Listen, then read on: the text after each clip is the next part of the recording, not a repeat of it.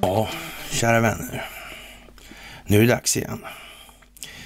Händelserna avlöser varandra. Ja, det går verkligen undan. Och eh, allt handlar om optiken. Allt handlar om folkbildning.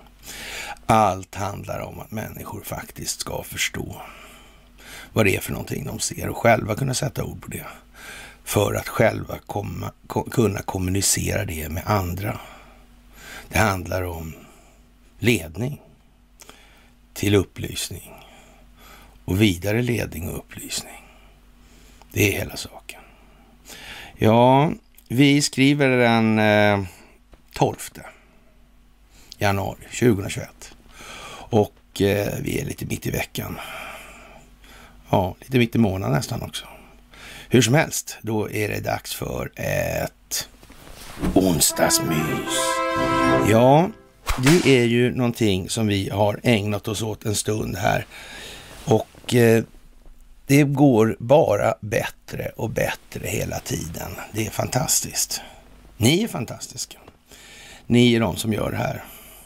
Hela saken faktiskt. Ni märker själva.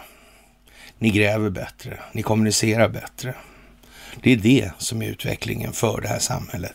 Det är bara genom att det sker som samhället faktiskt kan utvecklas.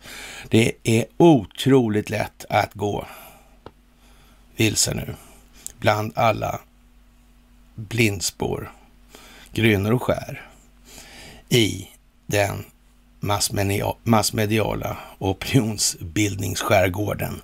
Det är lätt att gå på grund om man så säger. Ja, och många känner sig naturligtvis otroligt utvalda att tala om hur allting är och fungerar. Men det är märkligt det där egentligen. Det är märkligt. Vi kommer tillbaka till det. Först ska ni ha ett tack för att ni gör det ni gör. Tack för bidrag på Swish och på Patreon. Tack för att ni fördjupar er på karlnorberg.se och tack för att ni följer Telegramtjänsten som vanligt. Ja, det här med kobbar och skär och navigering och ja, det är mycket med det där egentligen alltså. Faktiskt väldigt, väldigt mycket. Mm. Man eh, kan nästan säga att alla de här idéerna som finns och, och, florerar, alltså går att koka ner till någonting i verkligheten. Det här moderna kriget, har det med saken att göra? Eller kanske har det egentligen alltid varit själva modellen för kriget? Det är bara det att sammansättningen av de här olika delarna har varierat. Det är klart att för väldigt länge sedan så behövdes inte så jävla mycket opinionsbildning. Då var det mer rakt på sak liksom. Typ när eh, vikingarna vandrade på planeten höll jag på att säga. Men ja, ni hajar vad jag menar i alla fall. Det här tycks ju ha hållit på en stund alltså. Och som sagt, vi har ju en viss fäbless för det här med vikingariet eller vikingeriet då. Och eh, ja, det vi har sagt att det ska komma tillbaka och Tro mig därvidlag, det kommer att komma tillbaka. Det här har inte riktigt så ringa påverkan som man kanske kan tänka sig på utseendet av dagens samhälle. Det är nog större än vad man tror faktiskt. Men vi är inte riktigt där än. Men många har börjat dra i det här och det är väldigt bra faktiskt. Det behövs.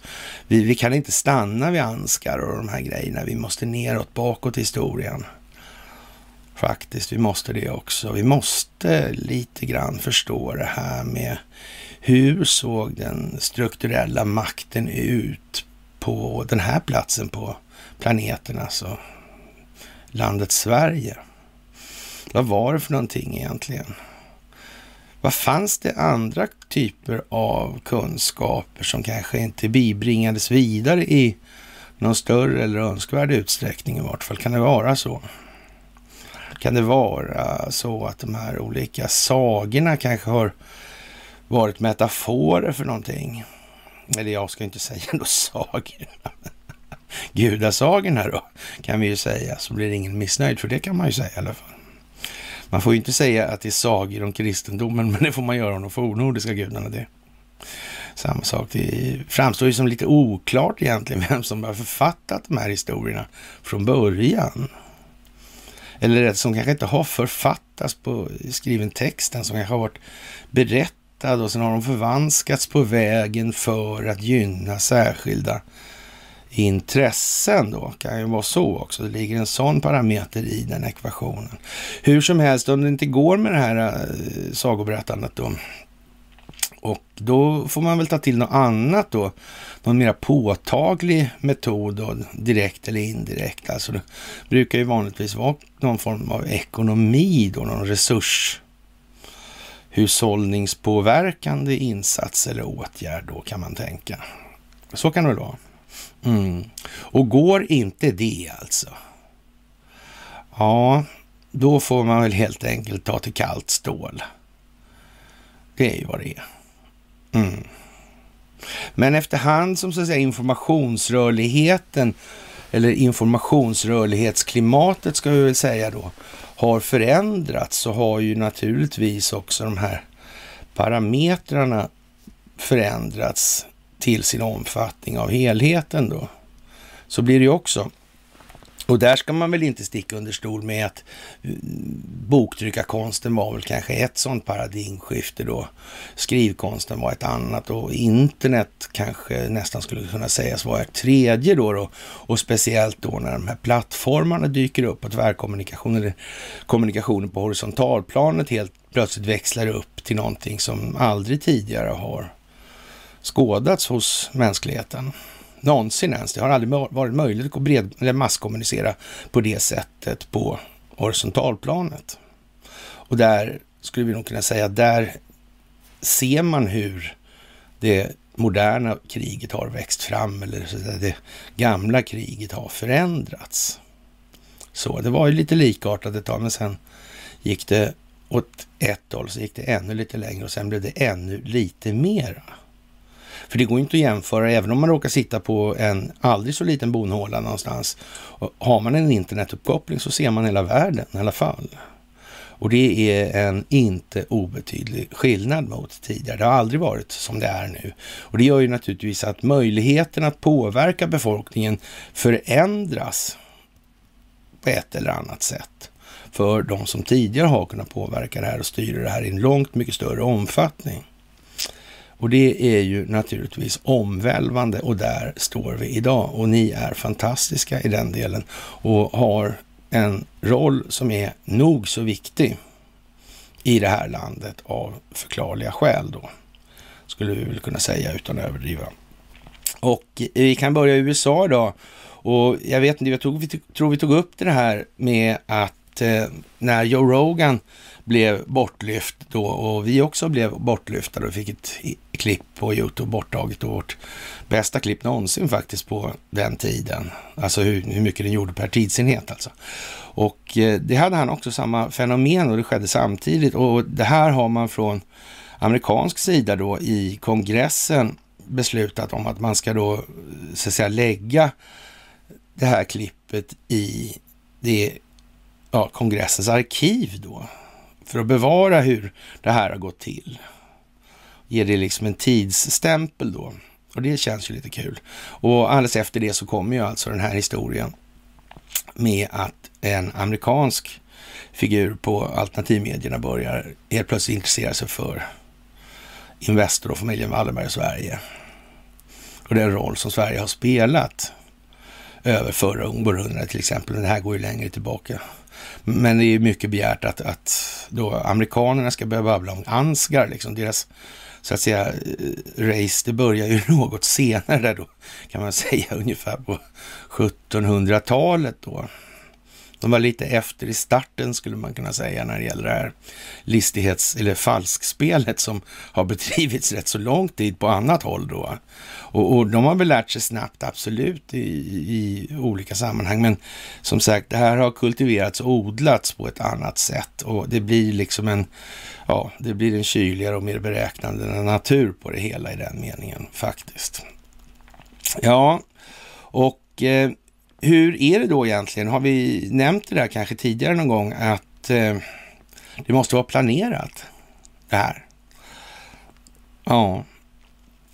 Och så på, ska vi påminna om en grej. Alltså, för vet ni vad? Det är ju så här alltså att man eh, Alltså man, måste, man skriver så här i realtid.se då nu i december och vi har tagit det tidigare. Men så ska mastodontarbete gå till när Sverige byter betalningsinfrastruktur. Och då kommer vi tillbaka till det här igen då. När, hur är det då egentligen med den här ekonomin? Är betalningsinfrastrukturen någonting som spelar någon roll där? Egentligen går det att sköta mycket betalningar och så utan en betalningsinfrastruktur? Nej, det gör ju inte det. Om den här betalningsinfrastrukturen finns inom ramen för internet då till exempel, eller telekominfrastrukturen. Då är ju den som kontrollerar telekominfrastrukturen naturligtvis rätt så insyltad i det där Men själva rätt så kontrollerande skulle man kunna säga. Va? Mm. Så det är egentligen inte så mycket idé att förändra den här betalningsinfrastrukturen för än dess att man har kontroll över telekominfrastrukturen. Intressant. Mm. Och voilà, där har vi det igen. Det här datumet i november 2019. Vi har det amerikanska justitiedepartementet. Mm. I USA så säger man ju då att det här är ju någonting som den här centralbankskartellen är, ligger ju bakom allting och så vidare. Ja, och det är ju rätt alltså på något sätt alltså. Men inte riktigt ändå alltså. Det är lite grann som, ja, David Icke till exempel, alltså som vi kan ringa stora anhängare av så, men han har ju inte rätt i allt, men han har inte fel i allt heller. Så är det också. Och sen anledningen till att det blir som det blir i den delen, det må ju vara som det är med den saken alltså. En del saker är tillämpliga, andra är kanske mindre lyckade skulle man kunna säga. Om det där är gjort av ett pedagogiskt motiv eller inte, det återstår kanske möjligen att se. Vi börjar ju få se exempel nu när, när eller på när, när man så att säga blir tvungen att dra pedagogiken lite över kanten för att så att säga få med folk lite längre ut på isen då i det här. Jag tänker då framför allt då på Ted Cruz och hans framträdande hos Dacke Karlsson där. Och det handlar ju alltså om att det här kommer ju, de här införandet av de här terroristinsatserna, det kommer ju naturligtvis, man ska bekämpa och bekämpa det och, och, alla, och då i alternativmedia uppfattar ju som att det är de som ska bli bekämpade. Men det är inte så det kommer bli. Utan det är som vi sa för länge, länge sedan, att det kommer ju börja lukta skit hemma hos Mattias Våg alltså. Det är vad som händer. Eller kommer att hända. Det gör redan det. Han är helt säkert medveten om det där. Och eh, ja, hur som helst då, när man eh, byter den här betalningsinfrastrukturen då, då måste man ha kontroll på telekominfrastrukturen. Det är alltså så, annars är det ingen mening med det här. Och de amerikanerna håller ju på med att det är Fed och 2013, eller 1913 förlåt. Och, och ja, vad ska man säga? Det, det är ju ett sätt att se det på. Men, men, det har att göra med krigsobligationer också. Det har att göra med en massa saker som händer i Europa samtidigt. Det här. Så det är inte riktigt hela bilden, men det kan man inte begära heller, för de har som sagt inte, om vi sitter och tittar ur ett perspektiv och har en massa jämförande perspektiv, alltså intilliggande då, och tittar i sekvenserna så här och ser att det har ju varit så här och så här och så här, alltså korstabulerat, jämfört och ser att de fick ju den här synergieffekten där och där. Det är inte säkert att amerikanerna kan göra det med samma längd på tidsaxlarna. Det går liksom inte, det finns ju inte där. Det har inte funnits så länge helt enkelt. Jag menar, det är ju liksom ingen idé att sitta och, och tjura och tjata om Stockholmsbyråkrati för amerikaner. Det, det är ju liksom lite för tidigt för det. Axel Oxenstierna var innan, om man säger som så i den meningen, även om hans då, så att säga, gärning levde kvar och fortfarande lever kvar i så mått. Och det måste man komma ihåg det så det blir liksom det blir lite omöjligt att använda samma pedagogiska mall hela tiden. I sak då, man måste ju liksom växla ut det där så att det passar i tiden åtminstone. Det finns en, liksom en pedagogisk mylla för att, att bedriva någon form av upplysning. Så måste det vara också. Och det är klart att om, om Federal Reserve, det är de här centralbankerna då man tjatar om, men då glömmer man ju kanske då var den första jävla centralbanken i, i hela världen eh, liksom dök upp någonstans. Det kan man ju faktiskt tänka på i det. Det är ju ganska bra. Var var det någonstans egentligen? Mm.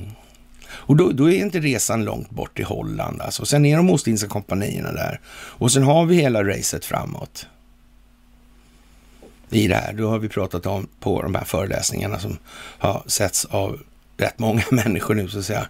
Någonstans mellan en kvarts miljon och 300 000 där någonstans. Jag vet inte exakt just nu. Men i alla fall. Det är fantastiskt och det är jättebra att ni får folk att titta på de här alltså.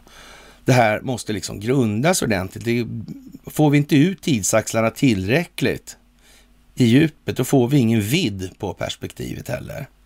Då blir det nära, om man säger som så. Kan vi bara se så här långt i sekvenserna, då är det så vi långt vi kan se. Ju längre vi kan ta ut perspektivet i djupet, desto vidare kan det bli. Mm. Vi ser bara så långt om vi håller handen framför näsan.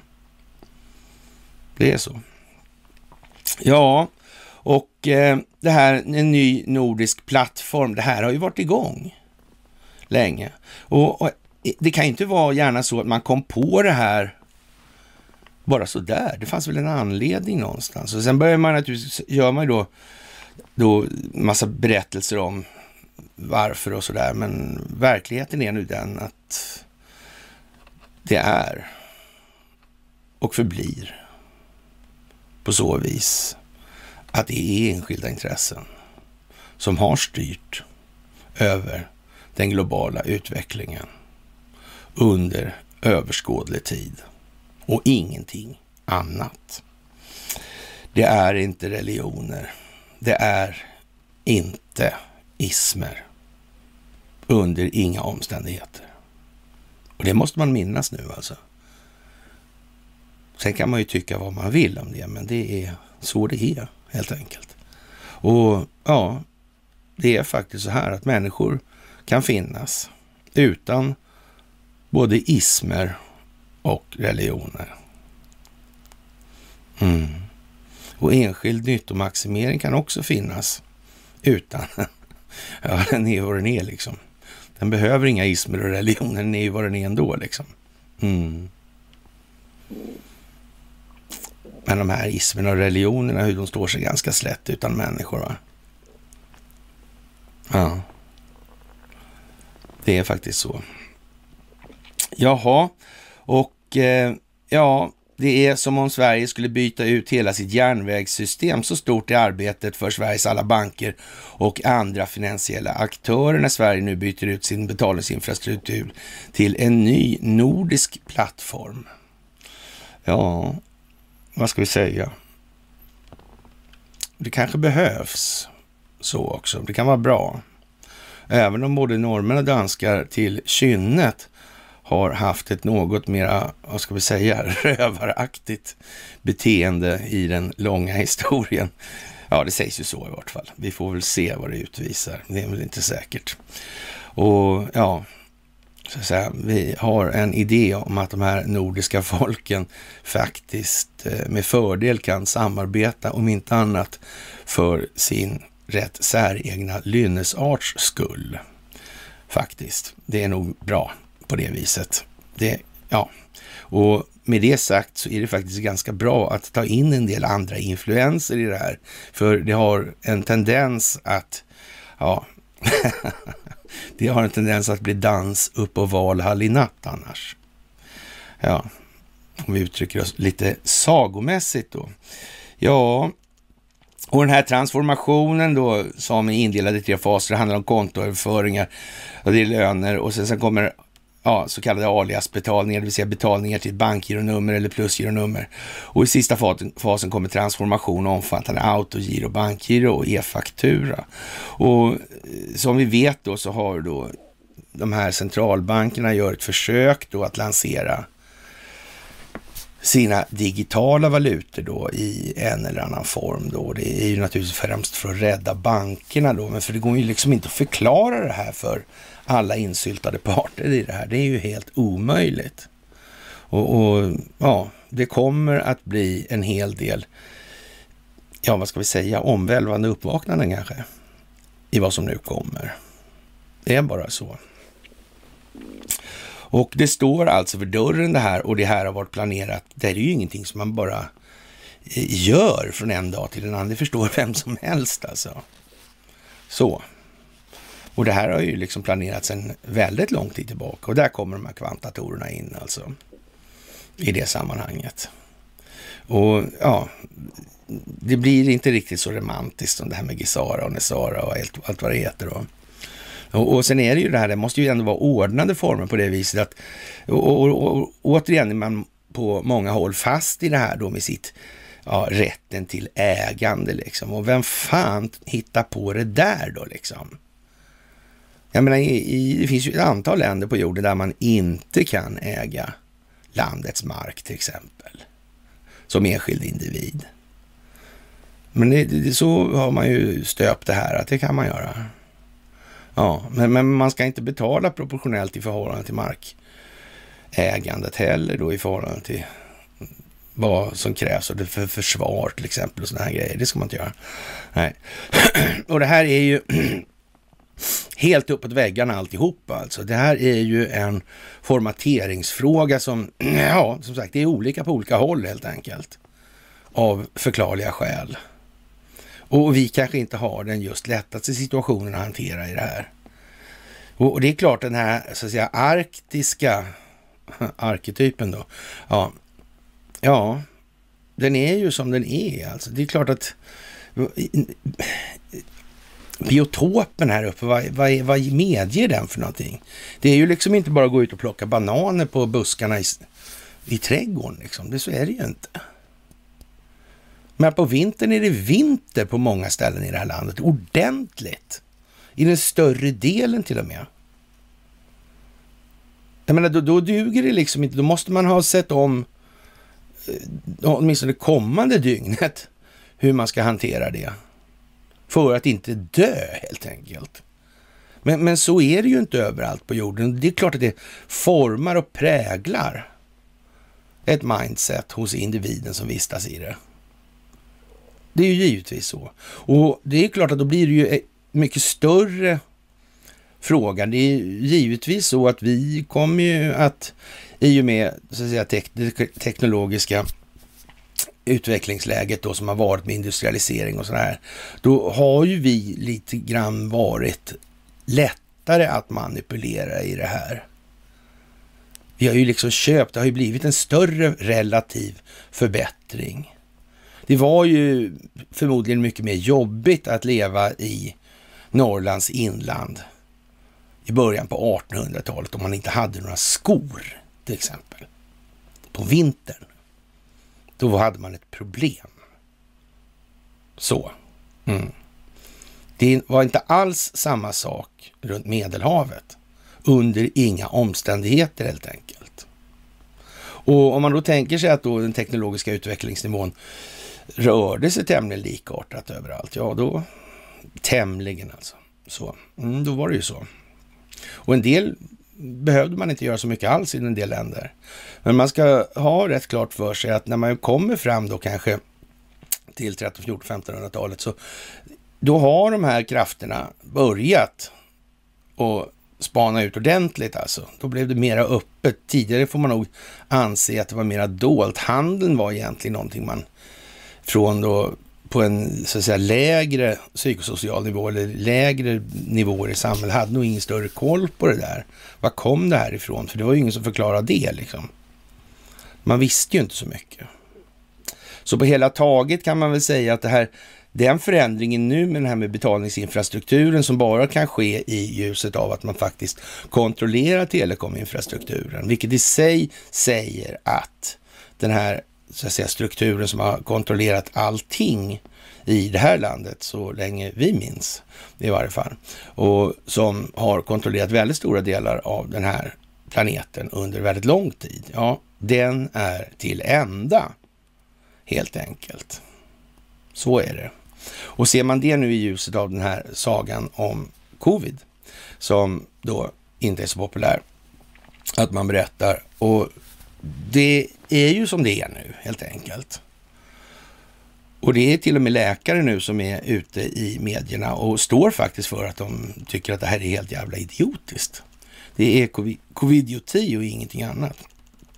Och det är ju lite speciellt helt enkelt. Och eh, sen kommer man ju in då på läkemedelsindustrin i det här och livsmedelsindustrin. Men är det så att de samarbetar, har de samma ägare, drivs de av samma vinstmaximeringsintressen?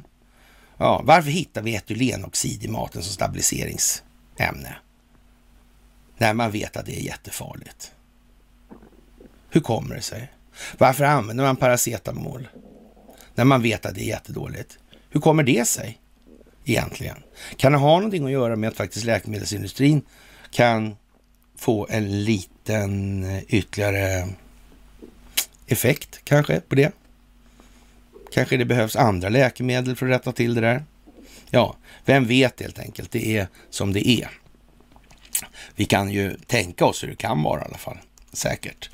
Ja, och eh, det här med energipriserna är ju återigen någonting som ja, vi har överskattat befolkningens förmåga att ta till sig den här typen av information och, eh, och framförallt dess vilja att ta till, den här, ta till sig den här typen av information. Där har det blivit en liten, ja, ett litet glapp skulle man kunna säga. Men det får vi ta igen då. Och eh, vi, vi sa ju det här, det var ju liksom lite naivt att tro att det skulle räcka med att det blev 17 spänn så skulle folk gå i bensinupproret skulle slå i taket och det gjorde inte det alltså. Den där gick i graven den där bensinupproret. Varför blev, varför blev inte bensinupproret väldigt upprörd av det? Men är inte det här lite lattjo? Eller? Det, jag vet inte om det där bensin... Vad, vad var det där bensinupproret egentligen ens? Då. Mm. Ja, det var inte ens någonting värt sitt salt i alla fall. Så var det ju. Helt säkert. Ja. Och eh, 6 miljarder till hushåll med höga elpriser och eh, ja, det kommer ju garanterat att lugna ner den svenska trögfattarföreningen betydligt i alla fall. Och då, då säger väl det egentligen då att det kommer ju behöva, behöva så en bra mycket större mängd lidande hos befolkningen för att det här ska få fäste. Det är ju tyvärr så. Befolkningen kommer aldrig bli, bli mer vis än vad den har klarat av att hantera som lidande. Förståelsemässigt alltså. Så mycket som befolkningen klarar av att förstå att de här tidigare känslogrundande värderingarna som man har hållit sig med, de var inte så där helt jävla lyckade helt enkelt. Så bra kan befolkningen bli, men det går liksom inte på något annat sätt det här. Det går bara så. Och följdriktigt då, för att driva lite jäck med befolkningen, skulle man väl kunna säga lite förnumstigt då. Och Eh, ja, då har ju regeringen varit lite duktig då i alla fall och har varit pedagogisk och säger då att hushållen ska kompenseras för de höga elpriserna under december, januari och februari. Och nu har vi ju inte kommit så jävla långt i januari, men det kommer att bli höga elpriser. Det är ju i alla fall klart då av någon anledning redan. Och, och det kan man ju möjligtvis ha ja, vissa synpunkter på de indikationerna. Men, men, det är ändå så liksom att jaha, det ska pedagogiken pågå en stund till med andra ord sådär. Det kan vi räkna med alltså. Och eh, som mest kan ett hushåll med höga elkostnader kompenseras med 2 000 kronor per månad, det vill säga sammanlagt 6 000 kronor, framförallt hos småhus och som är eluppvärmda. Och det är naturligtvis en extra eller exceptionell situation, säger finansminister Mikael Damberg. Och jag börjar nu fundera på om vi inte ska ta eh, vissa, så att säga, ja, vokalförändringar på efternamnet där. Men det kan ju vara som det är än så länge. Han är i alla fall, håller streck så här långt i alla fall. Ja, han understryker att det är mycket ovanligt att staten kompenserar hushåll för prisfluktuationer på marknader och det är naturligtvis någonting. De här förstärkningsargumenten, det finns, de finns där av en anledning liksom. Och, och det här blir extra löjligt bara om man tänker efter naturligtvis. Det är ju inte liksom så Dumberg kanske passar bättre nu alltså. Ja, i alla fall. Och eh, enligt Damberg omfattar då elpriskompensationen 1,8 miljoner hushåll. Det ska utgå till hushåll med en elförbrukning minst 2000 kilowattimmar per månad. Och vi har väldigt höga elpriser i Sverige och Europa just nu och regeringen tar situationen på största allvar, säger finansministern.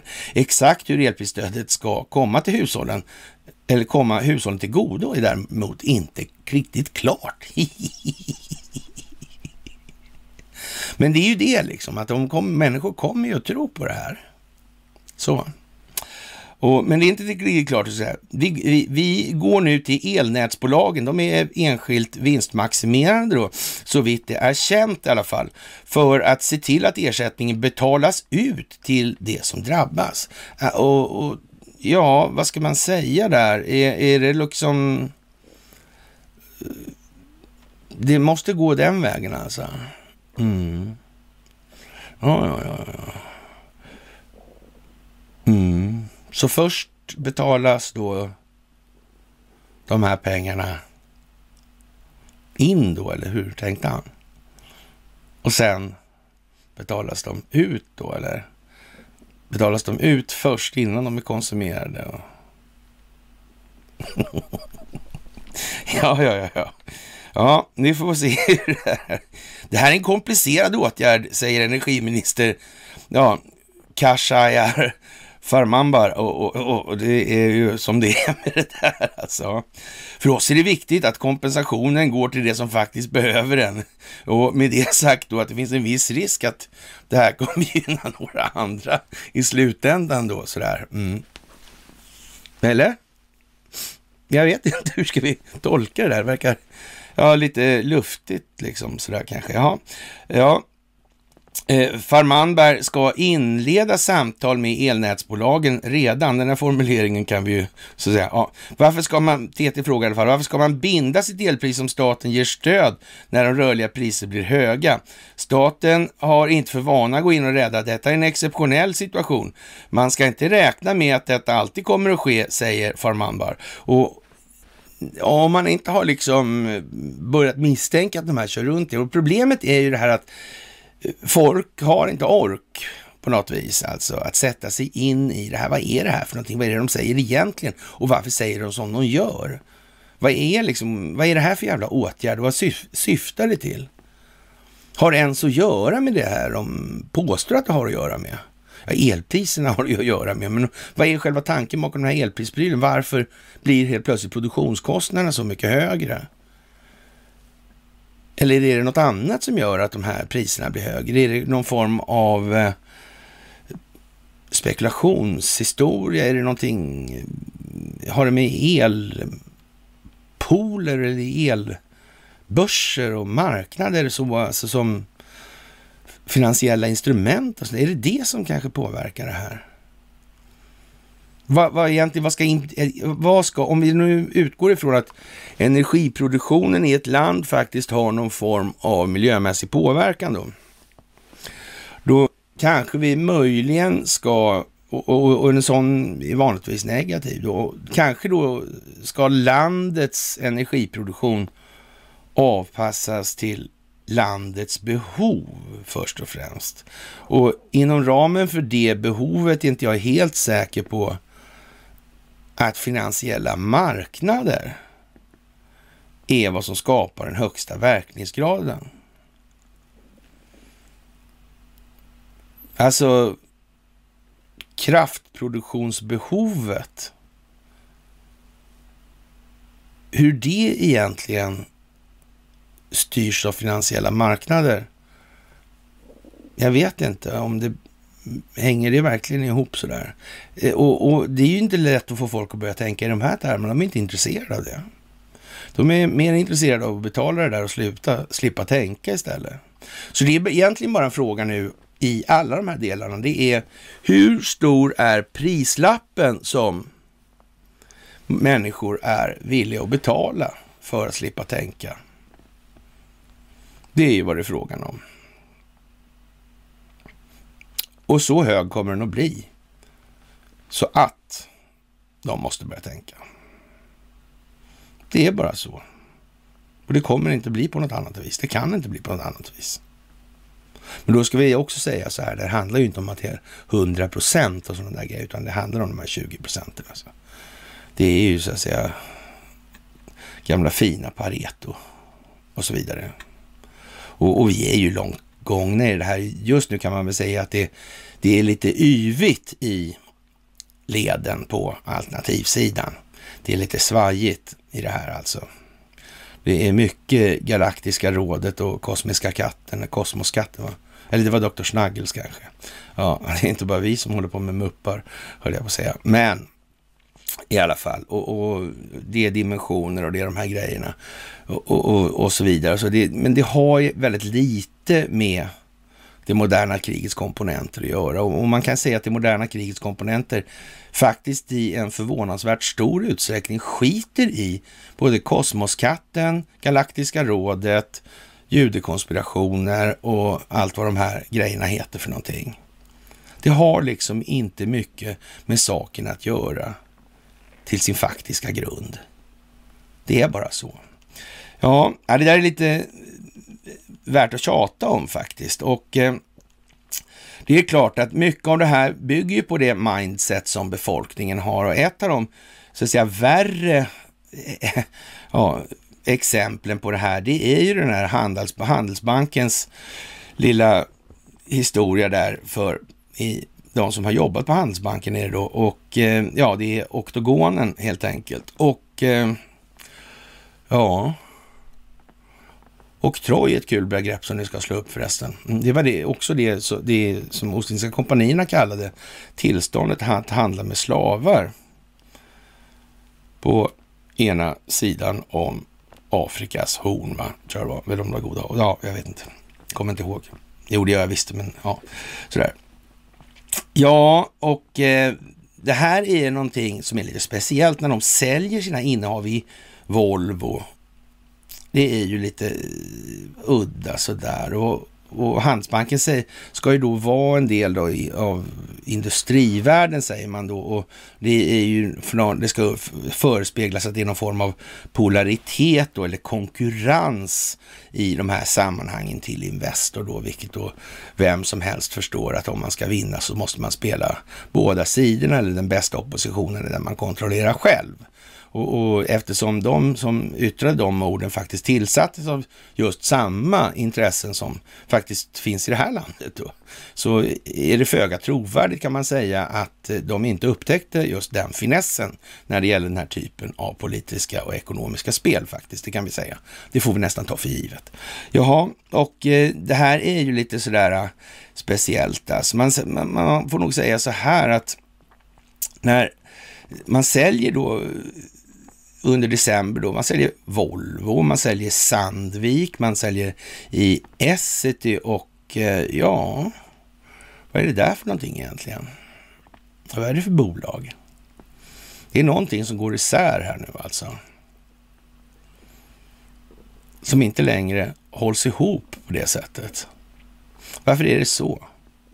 Kan det ha att göra med den här uh, betalningsinfrastrukturreformen? Kan det hänga ihop? Kan det vara ett samband där? Finns det ett samband där? Eller kan det omöjligtvis finnas ett samband där?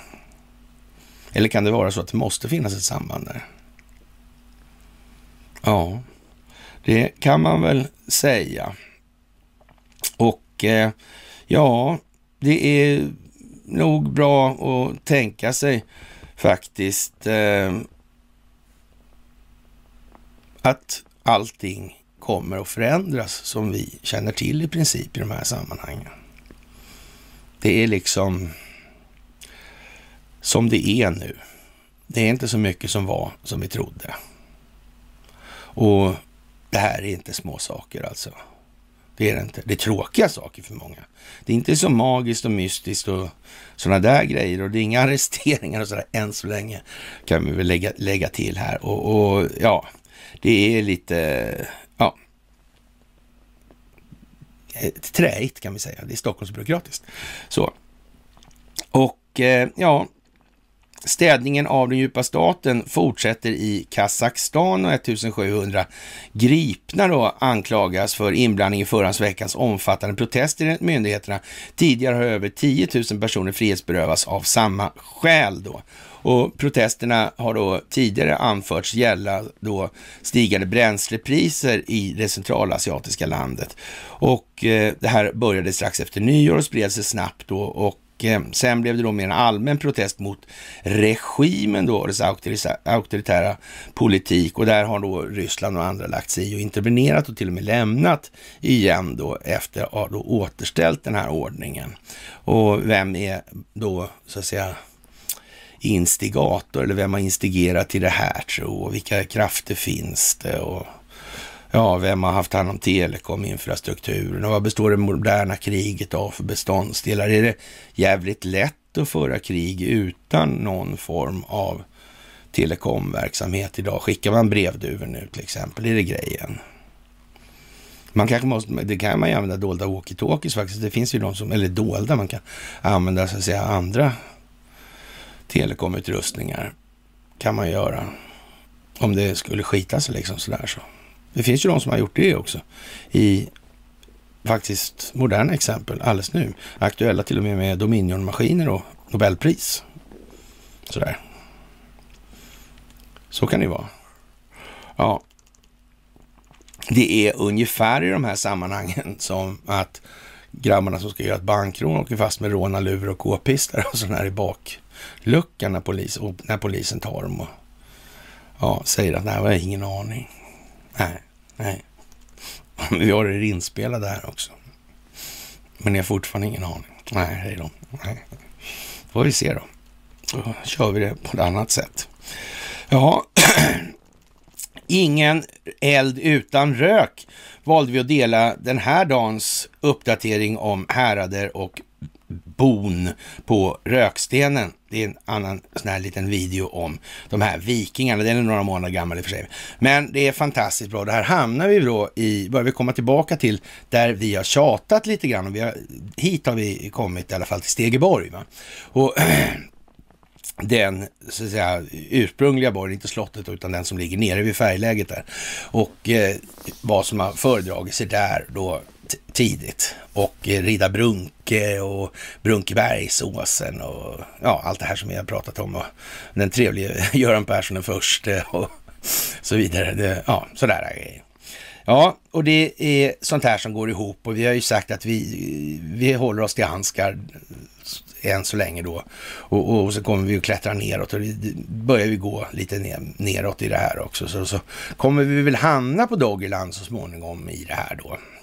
Det måste vi minst göra helt enkelt. Och eh, de här handelsvägarna, hur har det här sett ut till exempel i Östersjöområdet och sen inåt landet neråt också till exempel och Östergötland, Västergötland och det här. Och de här är ju väldigt så att säga förtjänstfulla de här små videoklippen då, 8, 10, 12 minuter långa kanske inte som de här ja, dramatiska mässorna liksom. ja, nej, men också är det trevligt ja, trevligt bildsatt helt enkelt. Och eh, ja, det är värt att titta på och ta till sig faktiskt, för det där kommer att bli en större fråga än vad absolut väldigt många tror.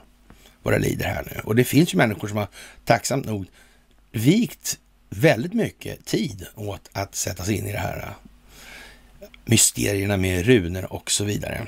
Ja, och eh, lite mera på det banala planet kan vi se att Sverigedemokraterna KU-anmäler statsministern för vaccinationsbevis, den här vaccinationsbevishistorien.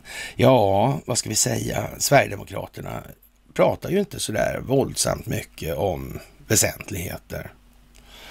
Och det här är ju en grej då. Och den rättsliga möjligheten, möjligheten till rättslig prövning av det här med vax den är ju som den är, det kommer vi tillbaka till alltså. Men, men KU-anmälan på statsministern, det är ju väldigt viktigt alltså. Och tänk om, om statsministern skulle bli prickad för det där alltså. Jävlar, då händer det grejer alltså. Uff. Då händer det grejer alltså. Då, då det. Mm. Ja, exakt. Vad händer då? Mm. Ja, det är ju som det är.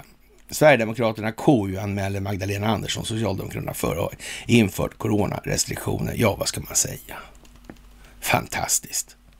Jättebra helt enkelt. Ja, det, det gör jättestor skillnad verkligen.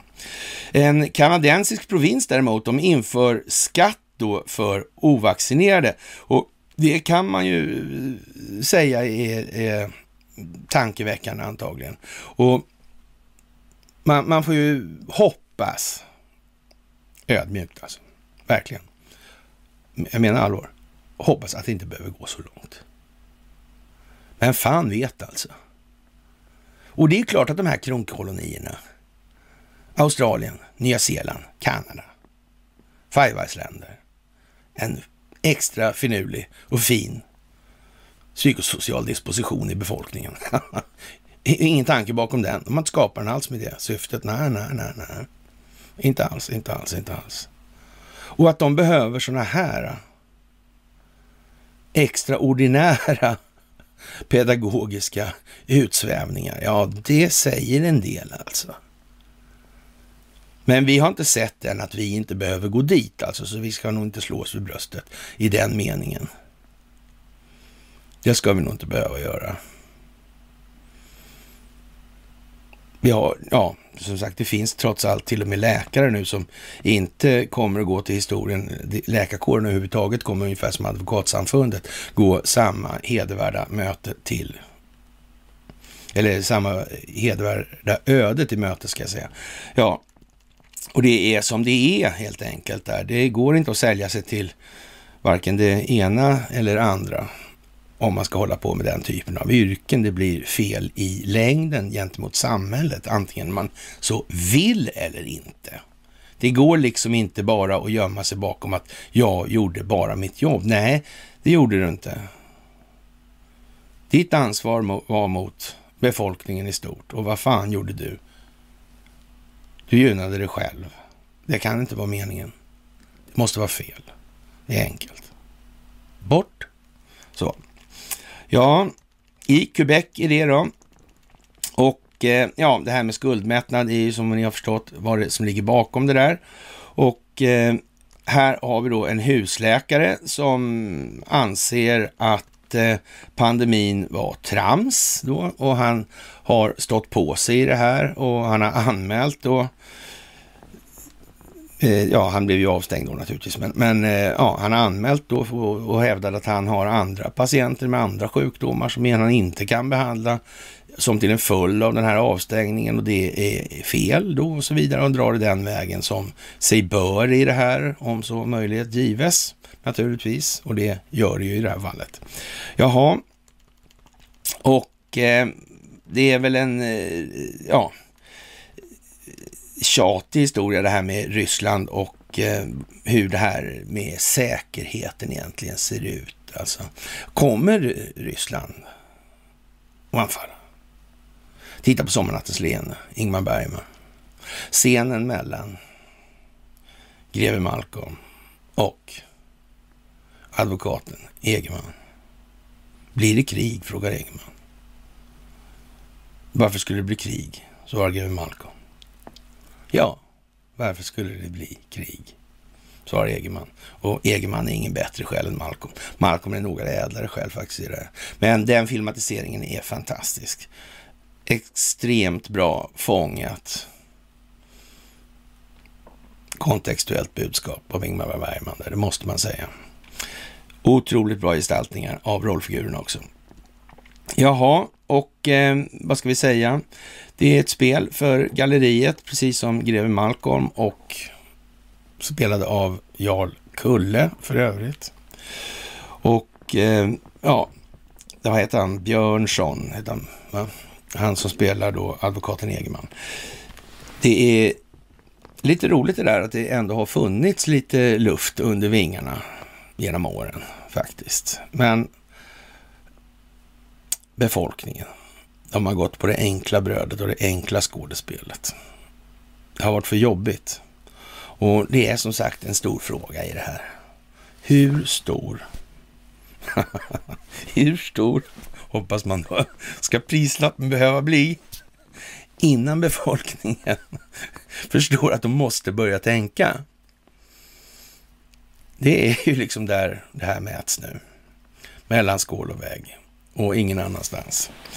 Ja, och europeiska säkerhetsordningen är inte förhandlingsbar, säger då Magdalena Andersson och eh, ja, vad ska man säga egentligen? Sådär? Vad är det som ska hända menar hon på allvar? Och, och den där typen av så att säga, teaterdebatt, det är ju tyvärr på det viset att det fortfarande finns människor som på allvar tror på de här sagorna på det viset. De kan inte föreställa sig då att den stora grejen med förra århundradet och efter världskrigen då speciellt, det är ju då det här kalla kriget och det är den ena delen och sen är det då den här kärnkraften som till all, varje pris måste hållas mycket, mycket begränsad för att inte ekonomin ska haverera fullkomligt. Och varför är det då på det viset? Jo, ja, det är på det viset att det finns ett ja, valutafinansiella system som bygger på enskilt kontrollerade räntebelastade skulder. Och det här systemet visste man faktiskt redan från början, ända från 1920-talet faktiskt. Och till och med när man införde det 31 så visste man det alltså då. Så att det här skulle faktiskt bli skuldmättat hade hänt förut, om inte annat då, en gång 1345 då. Det var en gäng italienska bankirer som höll på då och, och trixade och blev skuldmättade och så, det sprack och så vidare. De här kreditlinjer och allting pajade och, och då blev det väldigt mycket fattigdom, elände och, och svält och sådana här grejer. Och så, och så kom det pest också dessutom. Eh, samtidigt som den biologiska krigföringen uppf uppfanns. Eh, ni kanske känner igen det här, jag vet inte. Sådär. Eh, man säger ju det att allting går igen i tidens grums och mögel skriver, eller stiger fram en skrämmande fantom då, sa Karl Gerhard. Det blir mycket Karl Gerhard för oss eftersom vi är svenskar då och så jättemånga andra kanske det inte är som har så att säga, varit så spetsiga i formuleringen och, i, och beskrivningen. Då alltså. Ja, hur som helst då så, de visste alltså det här och eh, man hade ju då eh, ett antal steg klart för sig redan då. Man visste ju till exempel att efter andra världskriget och efter Bretton Woods där, då skulle man ju göra då dollarn det, det, var ju så att säga själva expansionsbasen då för det här. Då skulle dollarn göras till världshandelsvaluta. Sen har man gjort fulkörningar i det här också. Och om man har till exempel det här med statsobligationerna så behöver inte en av världens största oljeproducenter, alltså Saudiarabien, de behöver alltså inte redovisa sitt innehav av amerikanska statsobligationer. Och det gör ju en, skapar ju en hel del möjligheter för en rätt så vidlyftig bokföring i sammanhanget skulle man kunna säga. En som inte går att se. Alltså, det måste naturligtvis vara eh, redan från början då måste man ha det här bakom någon form av eh, religiös diktatur där ingen får titta in. Sådär. Mm.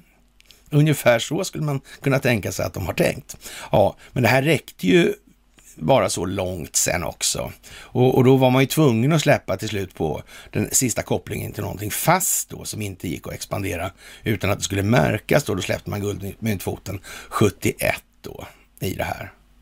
Ja, och så vidare. Det handlar ju om att ha så att säga en expansionsbas som marknaden klarar av att acceptera utan att se att det här, nu håller de, det här är ju rena sagorna alltihopa. Det gäller ju att den här kosmetikan på grisen i vart fall inte gör att grisen ser ut som jag vet inte vad liksom.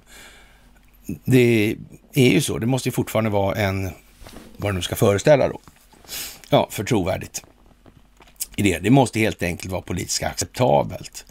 Och eh, ja, det här med prisbildning, är, är det konstigt alltså? Ja, det kan man ju faktiskt säga att det är. Det är väldigt konstigt många gånger. Och det här med skattelättnader. Det här med att de här techföretagen inte behöver betala samma skatt som andra. Men hur fan påverkar det här prisbildningen? Spelar det någon roll det? Kanske är det så ändå att det... Och, och frågan är alltså, hur mycket ska prislappen upp när det gäller dieselpriser, bensinpriser, elpriser, ja, energipriser helt enkelt. Då. Hur mycket ska den behöva gå upp för att folk ska bry sig, orka bry sig?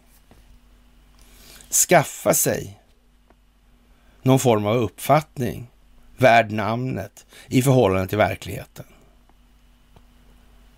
Och utifrån ett perspektiv som inte bygger på att enskilda vinstmaximeringsintressen bygger på en ständig och växande välvilja mot kunderna. Alltså det är enskild vinstmaximering går åt andra hållet. Kan de blåsa kunderna så kommer de blåsa kunderna. Att det ska vara så svårt att förstå är fullkomligt häpnadsväckande snart. Det är konstigt, helt enkelt. Ja, ja, men som sagt, riva upp lagen om skattefri el för amerikanska techjättar börjar komma upp i ljuset av verkligheten. Och det är ju som sagt, det är en fråga om hur stor prislappen ska behöva bli här nu. För att folk ska tänka. När folk börjar tänka så kommer det här gå jättefort. Och det handlar ju då alltså vilket pedagogiskt grepp, vilken insats, vilken åtgärd kommer att få den största verkningsgraden alltså. Det är ju så. Det är ju där det ligger nu. När vi får en tillräcklig inflektionspunkt, alltså tillräcklig inflektion, när det bryter igenom, ja då kommer det här gå jävligt snabbt alltså. Och där är vi nu i, i så att säga, det lite vidare perspektivet när det gäller den här förståelsen, så är vi ju så sagt där när den här så att säga, 20 delen ska bli mer homogen. När några finner för gott liksom att det är nog fan bättre att inte behöva betala så jävla feta räkningar på elen i förhållande till att i lugn och ro fortsätta vänta på att Galaktiska rådet ska komma och klara ut det här åt oss. Faktiskt. Man kan vissla på kosmoskatten. Visst kan man göra. Men det kommer en kostnad i andra ändan, var så säker. Och det är ju byggt så nu för att det ska behöva bli en förändring. Alltså, det går inte annars. Det här går inte längre. Systemet är skuldmättande och kommer kollapsa. Punkt slut. Och naturligtvis den djupa staten, de vet att det gör det. De har inget val. De kan inte hindra det heller längre. Men de får skiten i knät nu. Alla kommer peka på dem. Alla kommer se vilka det var som låg bakom det här. Och det är därför jag säger att alltså, det kommer inte bli någon sådär jättemycket högaktning kvar för de människor inom de skrån som faktiskt har hjälpt till att bära upp det här förtroendet för det här systemet. Det är helt säkert. Det går liksom inte att tolerera ur ett längre perspektiv för samhället. Och, och vad bygger det på att de inte hade det perspektivet då? Det som var det större goda, det långsiktigt hållbara för samhället. Alltid samma sak. Alltid samma sak och ingenting annat. Som sagt, det är elpriserna just nu alltså, men det kommer även en massa saker om det här med räntorna och så vidare. Men det är ju mera, alltså om, om nu problemet med den här situationen är det överskuldsättning och så vidare. Och, och ja, överskuldsättning som problem eller problematik bygger ju ofta på att det finns en räntekostnad inblandad i det här. Och vore räntekostnaden noll, ja då vore det kanske ingen fara. Så förmodligen är problemet riktat åt andra hållet och det att den inte är noll som är, som är problemet. Sådär. Och, och då kan ju vän av ordning undra om man höjer de här räntorna totalt sett i ekonomin, minskar eller ökar problemet då möjligen? Vilket kan det nu vara? Det är ju faktiskt det är en motiverad fråga. Man undrar ju lite lätt sådär att ja, vad kan det vara egentligen alltså? Mm. Det kan ju vara värt att beakta kanske. Varför pratar man inte om det för? Beror det på att det är bara foliehattar och dumskallar och, och sådana här som faktiskt inte har någon som helst koll på någonting som sitter och eh, yrar om sånt där? För det finns ju sån lärde män i Lund och sådana här grejer. Och, och professorer i planekonomi har det funnits förr. Ja. Mm. Ja, det, det, finns väl professorer i juridik i olika diktaturer också, gör det inte det? Ja? Vem är det som har skrivit de här lagarna? Är det Gud eller? Ja, visst, vi får inte driva med honom, nej. Han kunde ju vara fornordisk. ja, ja, ja, ja, ja, ja, ja. Restriktioner är onödiga, säger i alla fall en restri- säga, läkare och det kan vi vara tacksamma för. Jaha, och eh, det är ju lite speciellt det här med utvecklingen i USA kring valet ska vi väl tillägga nu och det är väl eh, ja, det här med att FBI är inblandade i det här med den här 6, den 6 januari-historien. Det är ju rätt så givet nu. Och man börjar ju liksom eh, komma fram till att det här är ju väldigt konstigt. Man kan, ens man kan inte ens svara på frågor om då, när man ställer den här Ted Cruz, han har ju då förklarat varför han sa som han sa till Tacke Karlsson och vi har ju sagt då att vi får väl se hur det är med det där egentligen och vi hade på något vis lite, på något vis lite svårt då att ta till oss då det här lite grann då och, och det är möjligt att den manövern fick ju i alla fall som konsekvens att ett antal demokrater kom ju, kom ju att tycka att Ted Cruz är inte helt hopplös ändå alltså. Sen, hans förklaring är ju på något vis ändå något som är oemotsägligt. Man kan inte kritisera att han säger så här att ja, men de som angriper då eh, ordningsmakten eller polisen då, de, de betraktar jag som terrorister. Så det kan man väl på något vis säga då att det, det går inte att säga emot. Det kan inte heller demokrater säga emot på något mer, mer trovärdigt vis i alla fall. Så. Och sen har han då efter då, han har förklarat det här då, så har han haft då olika förhör i senaten då. Och då har han frågat då en, den här sambon då som är inblandad i den här historien med eh, utredningen av det här.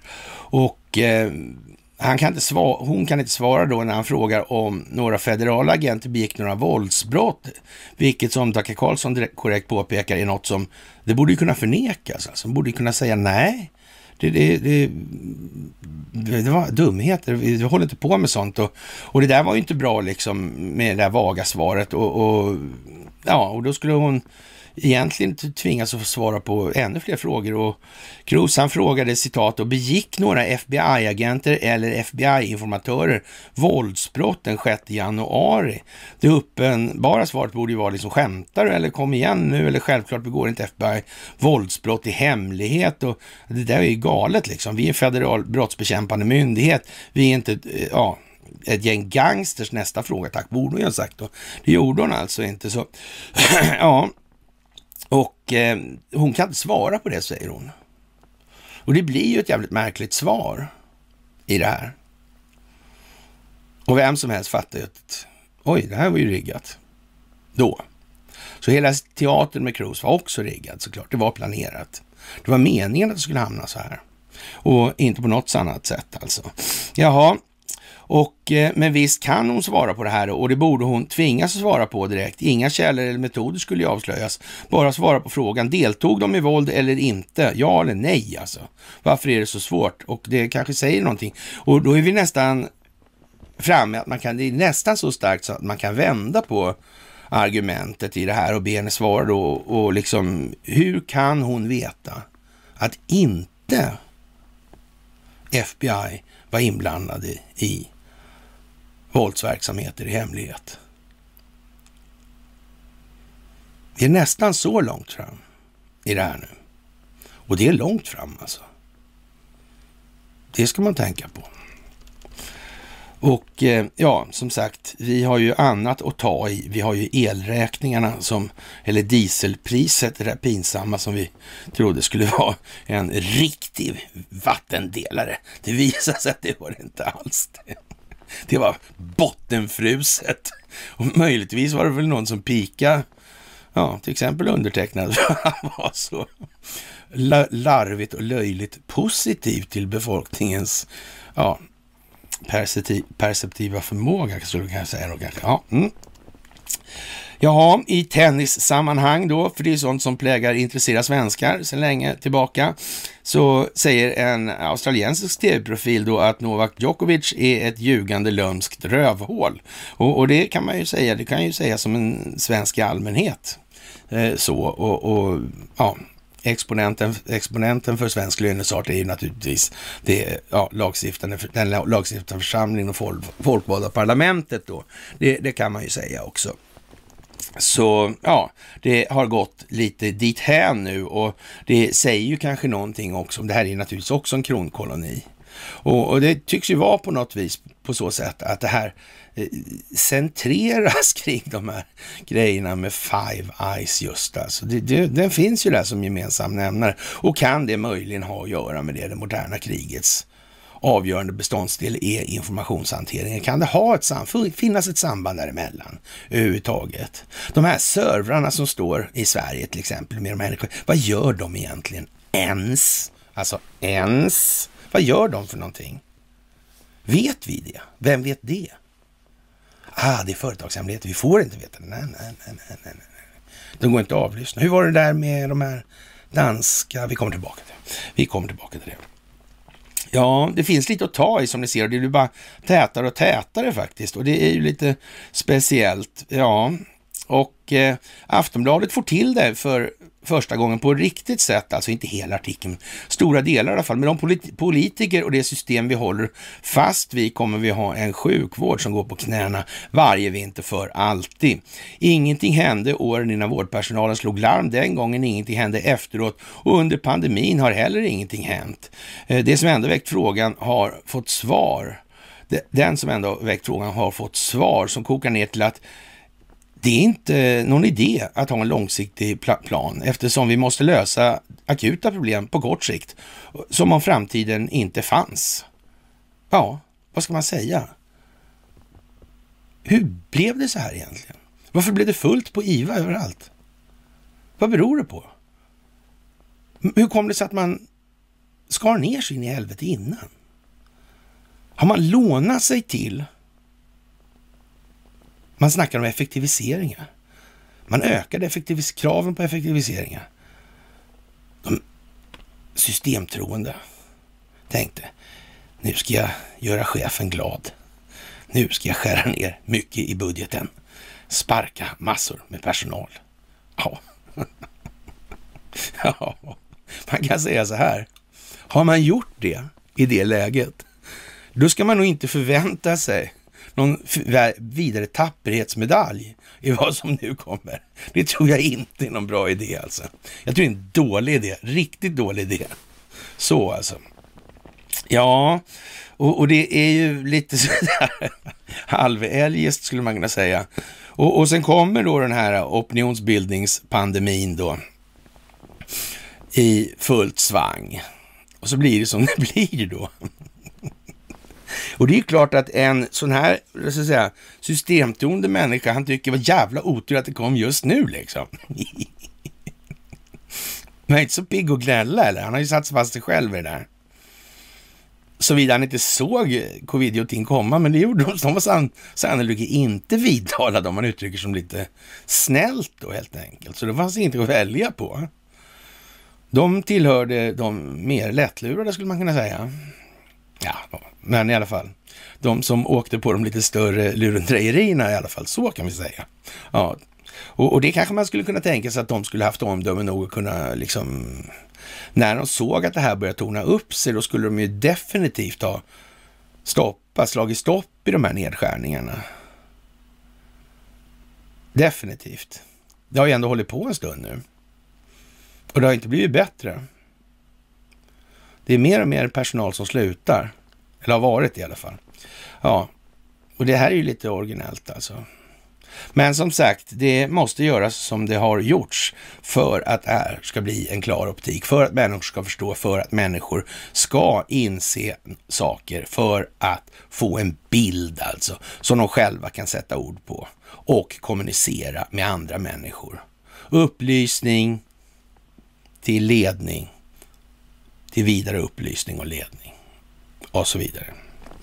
Ja, det är så att säga, i måndags meddelade regeringen att sjukdomar som influensan och RS-viruset tillsammans med covid-19 motiverar kraftfulla åtgärder. Underdimensionerad sjukvård ska mötas med fler restriktioner, nya inskränkningar av fri och rättigheter och nedstängningar av samhället.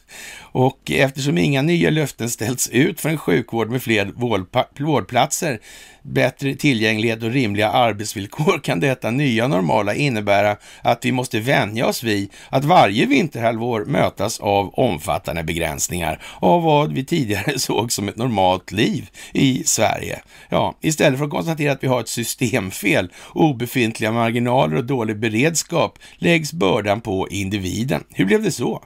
Ja, kanske för de folkvalda vi ett förtroende är nöjda och under decennier arbetar fram ungefär den här modellen. Eh, det är faktiskt eh, fortfarande tillfreds. Det är ju ingen som, hör, man hör ju inte politikerna gnälla eh, över hövan då på, på sin bristande lön och de här grejerna. Nej, det gör man inte. Och, och, där har vi den här historien då med Ingves aktier och, och så vidare. Och det, det, är samma fenomen faktiskt över ja, hela gänget med centralbanker där. Alltså, det är konstigt det där. Ja. Och, och, och, politikerna också, ja. Precis som vi har sagt, Nancy Pelosi och sådär. De finns ju några stycken här. Och det är väl aldrig så att de har använt det här på något vis. Och, och framförallt inte i Sverige. Det skulle inte vara möjligt ens att de gjorde det. Nej. För, för de som kontrollerar Nasdaq skulle aldrig gå med på sådana saker. De skulle aldrig hålla på och fuska med sånt. Det är nämligen de hedligaste av alla hedliga, hedliga människor. Ja, så är det. Det ska man tänka på. De är svenskar. Hej och håja. Det går perfekt helt enkelt. Ja, Jaha, och eh, sen finns det olika exempel på det där då liksom och olika regioner som har då skurit olika mycket och så vidare. Det är ju fan lite komiskt egentligen att det här ändå har funkat det där. Men det kommer ju bli någonting att skratta åt för efterkommande generationer, det ska man ha klart för sig. Och det är de som har klivit på för hårt i den andra ändan där borta. Ja, ja de systemtrogna, de kommer fan att få en del att ta i alltså. Shit, det där kan inte vara så kul. Och det är klart att det finns, väcker ju en viss aversion mot de här förändringsbenägenheterna. Det är ju så, det är ju ingen som vill stå där som ett jävla jon liksom. Men så är det ju också. Och, och ja, det är klart att det, så är det ju. Det, det får man väl också köpa i någon mån. Ja. Och eh, jaha, det här med så att säga covid då och det har fördö försökt döljas av USAs regering och vi kan se då den här Anthony Fauci nu får sitta i, och så vidare. Vi kan ju säga så här, det skulle bli, jag skulle bli mycket förvånad om inte Tegnell och den här pundar Matti då, ja, Sellberg, om inte de har gjort aktieaffärer. Alltså jag skulle bli otroligt förvånad över det. Faktiskt.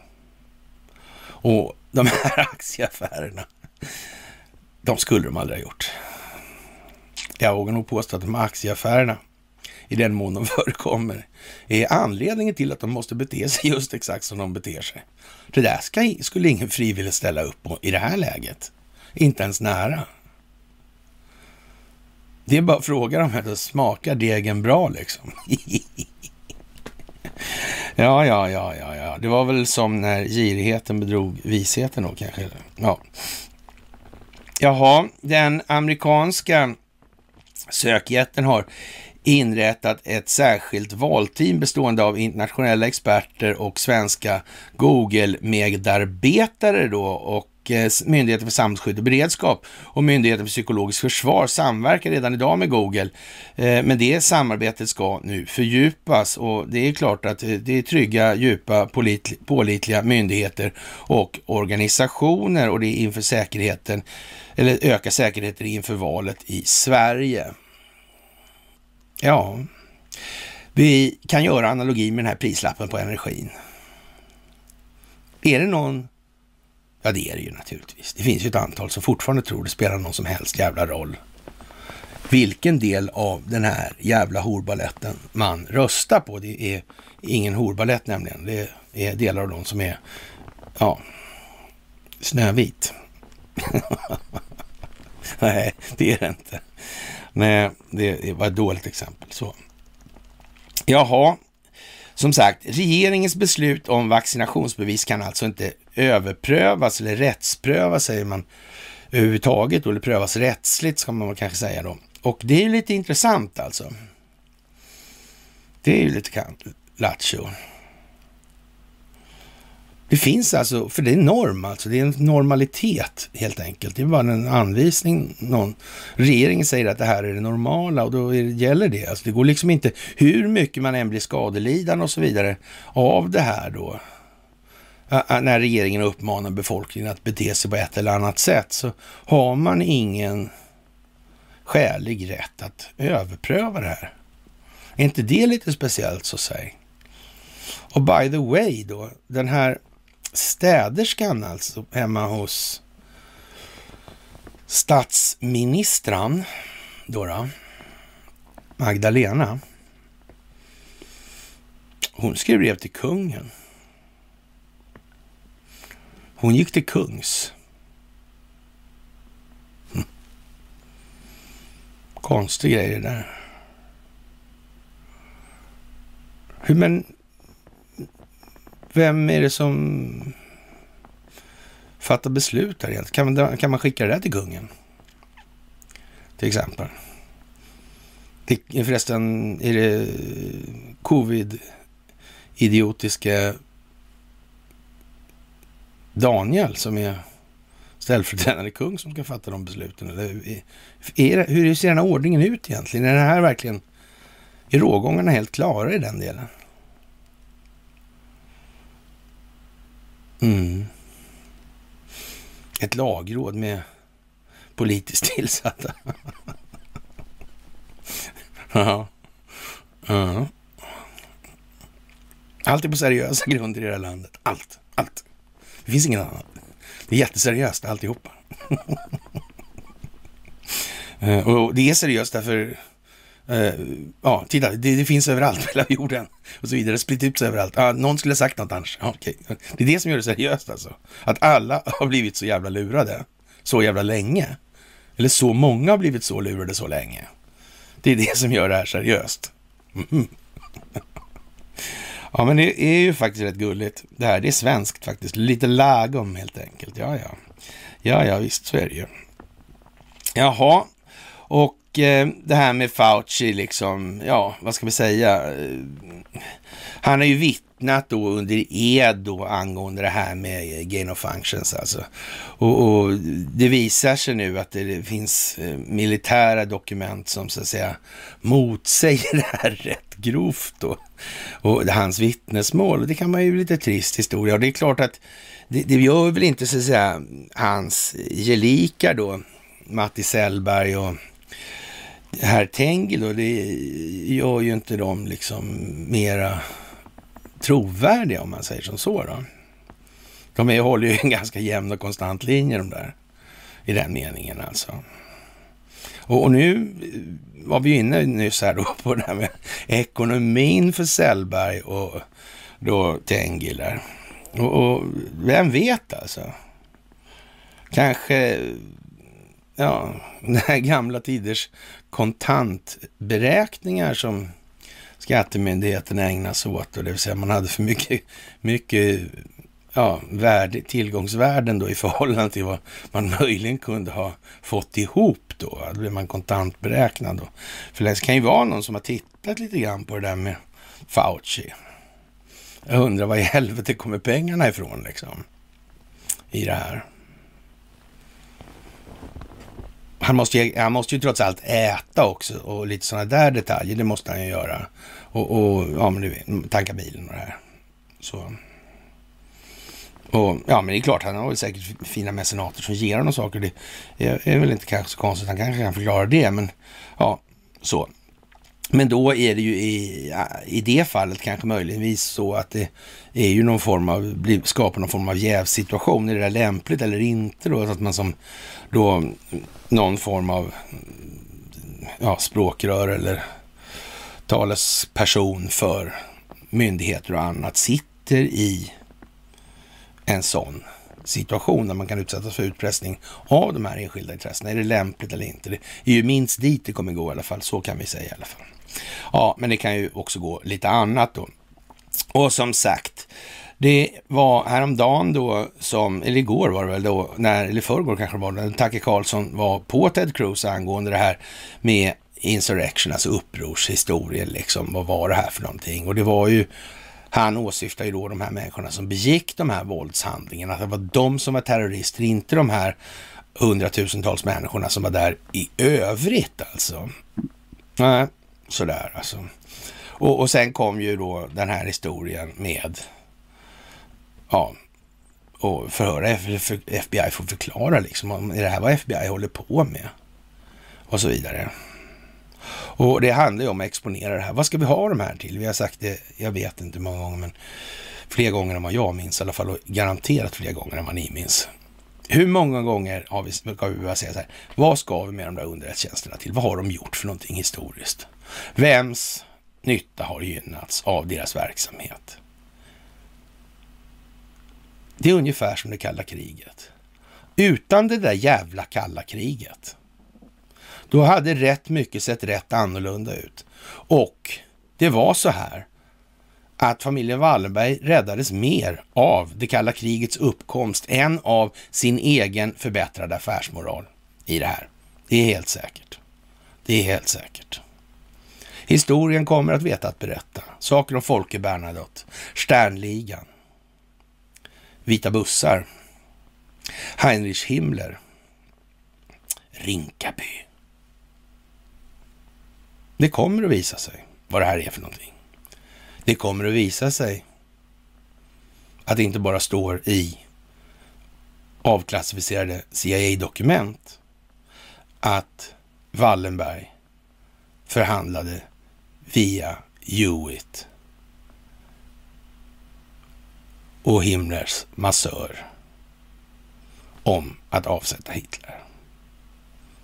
Och det berodde inte på att man saknade intressen i de här frågorna. Man hade liksom ägarandelar i moderbolaget, IG Farben, som stod bakom Hitler. Så det var liksom inte där riktigt. Det var helt enkelt affärerna som inte gick som de skulle. Mm.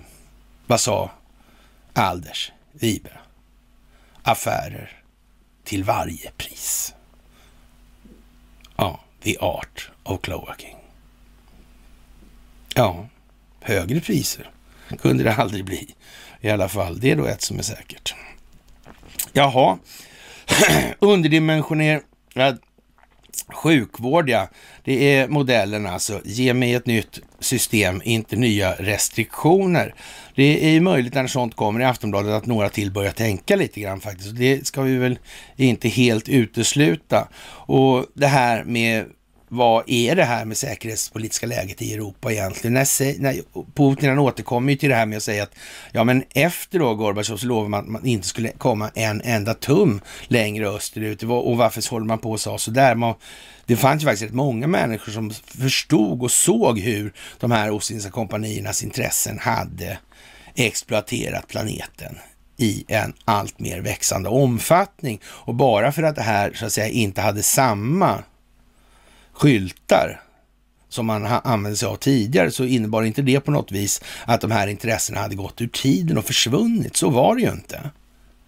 Det var inte alls så. Och det här är ju eh, en rätt så bra grej. Men där är det också så att man håller fortfarande på så att säga dokumentationen och arkivmaterialet i de här sammanhangen från rysk sida. Man har inte lätt, lättat så mycket på förlåten. Men eh, vi kommer tillbaka till en annan detalj i det här och, och det är faktiskt lite sådär halvspeciellt får man nog säga det här med konsten, artefakterna, Villa Kassman, konsthandeln.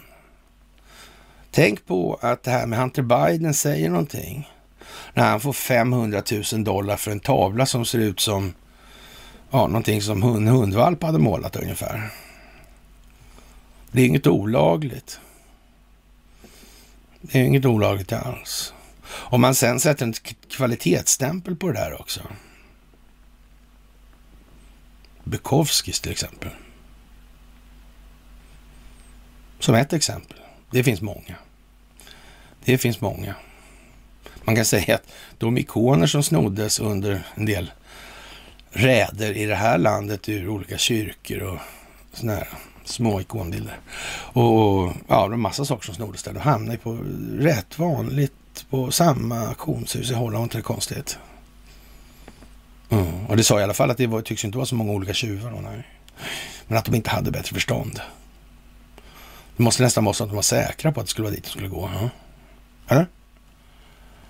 Ja, ja, Det är ju lite grann det där. Det är historien bakom konstföremålet som är viktig. Och då är det viktigt att den här konsten och det här handlas på ett viss plats. Sådär ja. Mm.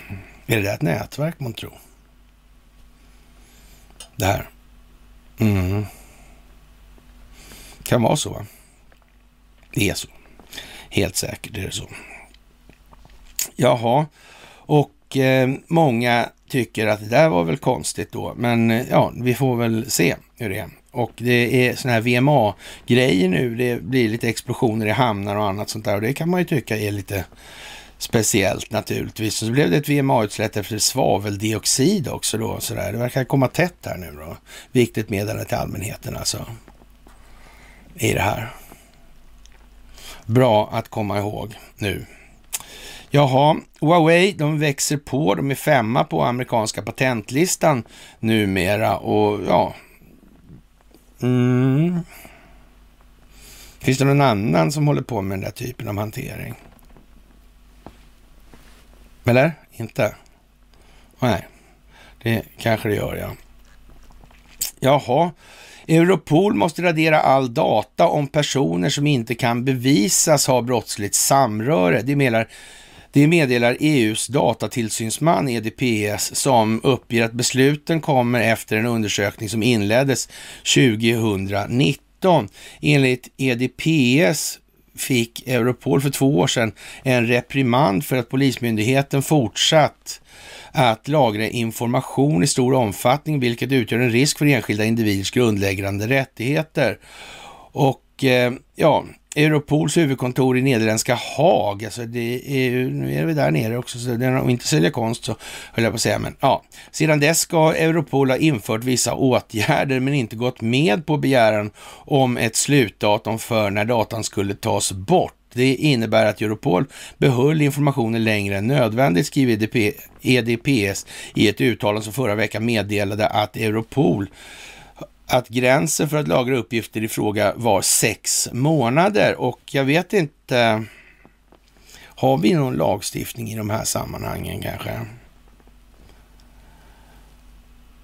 Det, det finns ingen lag här, alltså den med FRA-lagen och den är helt okej okay med alla de här. Jaha. Ja, ja. Jaha.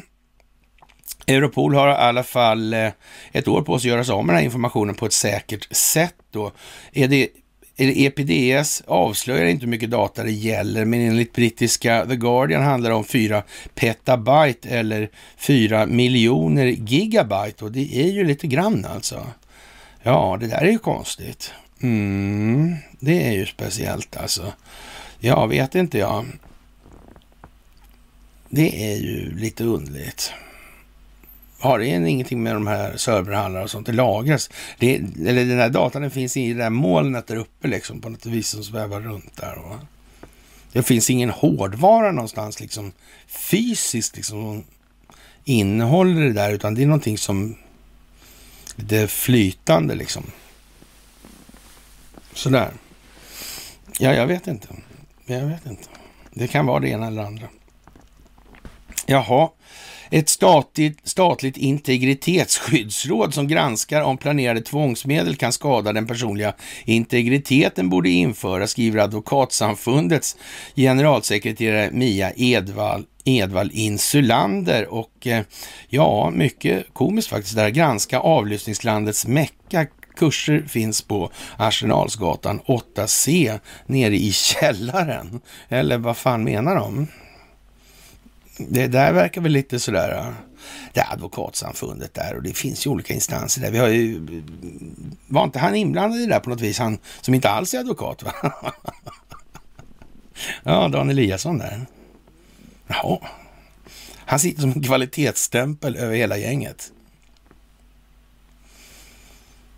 Jag menar, hur kan det bli, hur kan det ens, ens linje alltså, ens, hur kan det ens bli så? Det borde inte kunna bli så. Det kan ens bli så, eller det kan bli så ens. För att någon vill att det ska vara så, skulle jag säga. Det verkar allt mer svårt för varje tidsenhet som förlöper att se att inte herr Eliasson, Dan i förnamn, fånga Dan helt enkelt. Mm. Hans gärning, den har haft det syfte den har haft. Och folket har sett det. Folket har förstått det. Ingen kan missa det. Faktiskt. ja, jag vet inte när han blev pinpointad, men det var kanske någonting med Thailand. Jag vet inte, Bangkok eller något. Det är svårt att säga, men det där, det är ju speciellt. Alltså, hemliga avlyssningar bör granskas, ja, säger advokatsamfundet. Jo, då,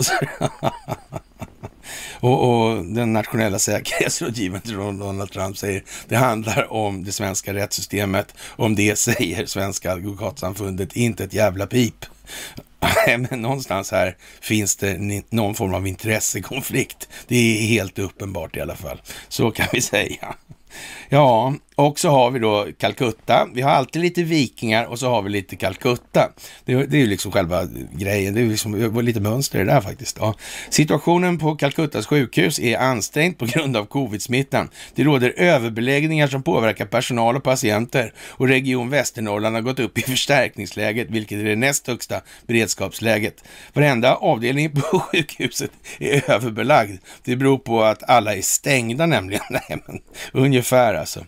Och eh, ja, och vi har ingen mat att erbjuda patienterna. Så det är bara tok, säger Charlotta Loman, sjuksköterska på akutmottagningen på Sundsvalls sjukhus. Ja, man kan säga att det är rätt mycket som är som det är. Va? Och ja, om man inte börjar fatta den här optiken snart, ja, då får man fan ta ett par varv till. Och nu börjar vi ta slut på granarna, så nu får vi sätta oss och åka karusell igen.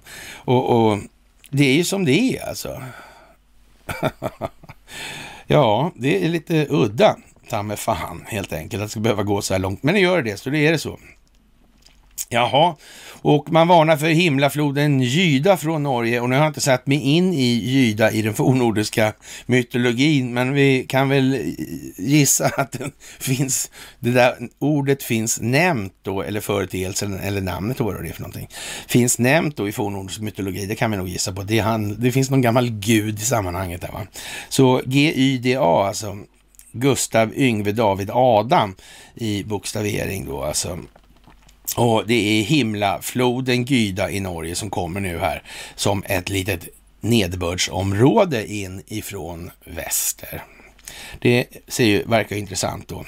Jaha, och eh, i, eh, ja, städerskan skingrar Säpos och Anderssons dimridåer genom att tala om hur det här egentligen är då. Och, och ja, och det här är ju inte bra för då lyssnar ju Danmark och så vidare. Och, och, och så vidare om hon ringer hem och ja, jag vet inte. Ja, det är mycket, mycket, mycket pinsamt alltså att vi som befolkning ska behöva finna oss i den här situationen tycker jag faktiskt. Det är, och, och det beror inte på att vi har lagt ner för mycket energi på eftertanken. Den kranka blekheten har varit lite för kall för vårt vidkommande. Våra frusna själar tålde inte den också. Helt enkelt. Ja, det är ju som det är. Det är bara att göra om och göra rätt och vara bättre helt enkelt.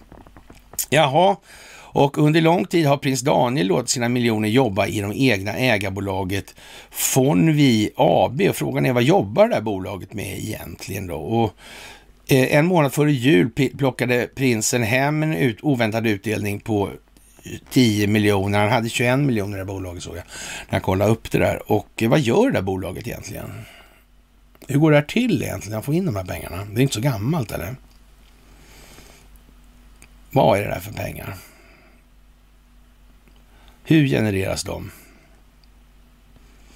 Mm.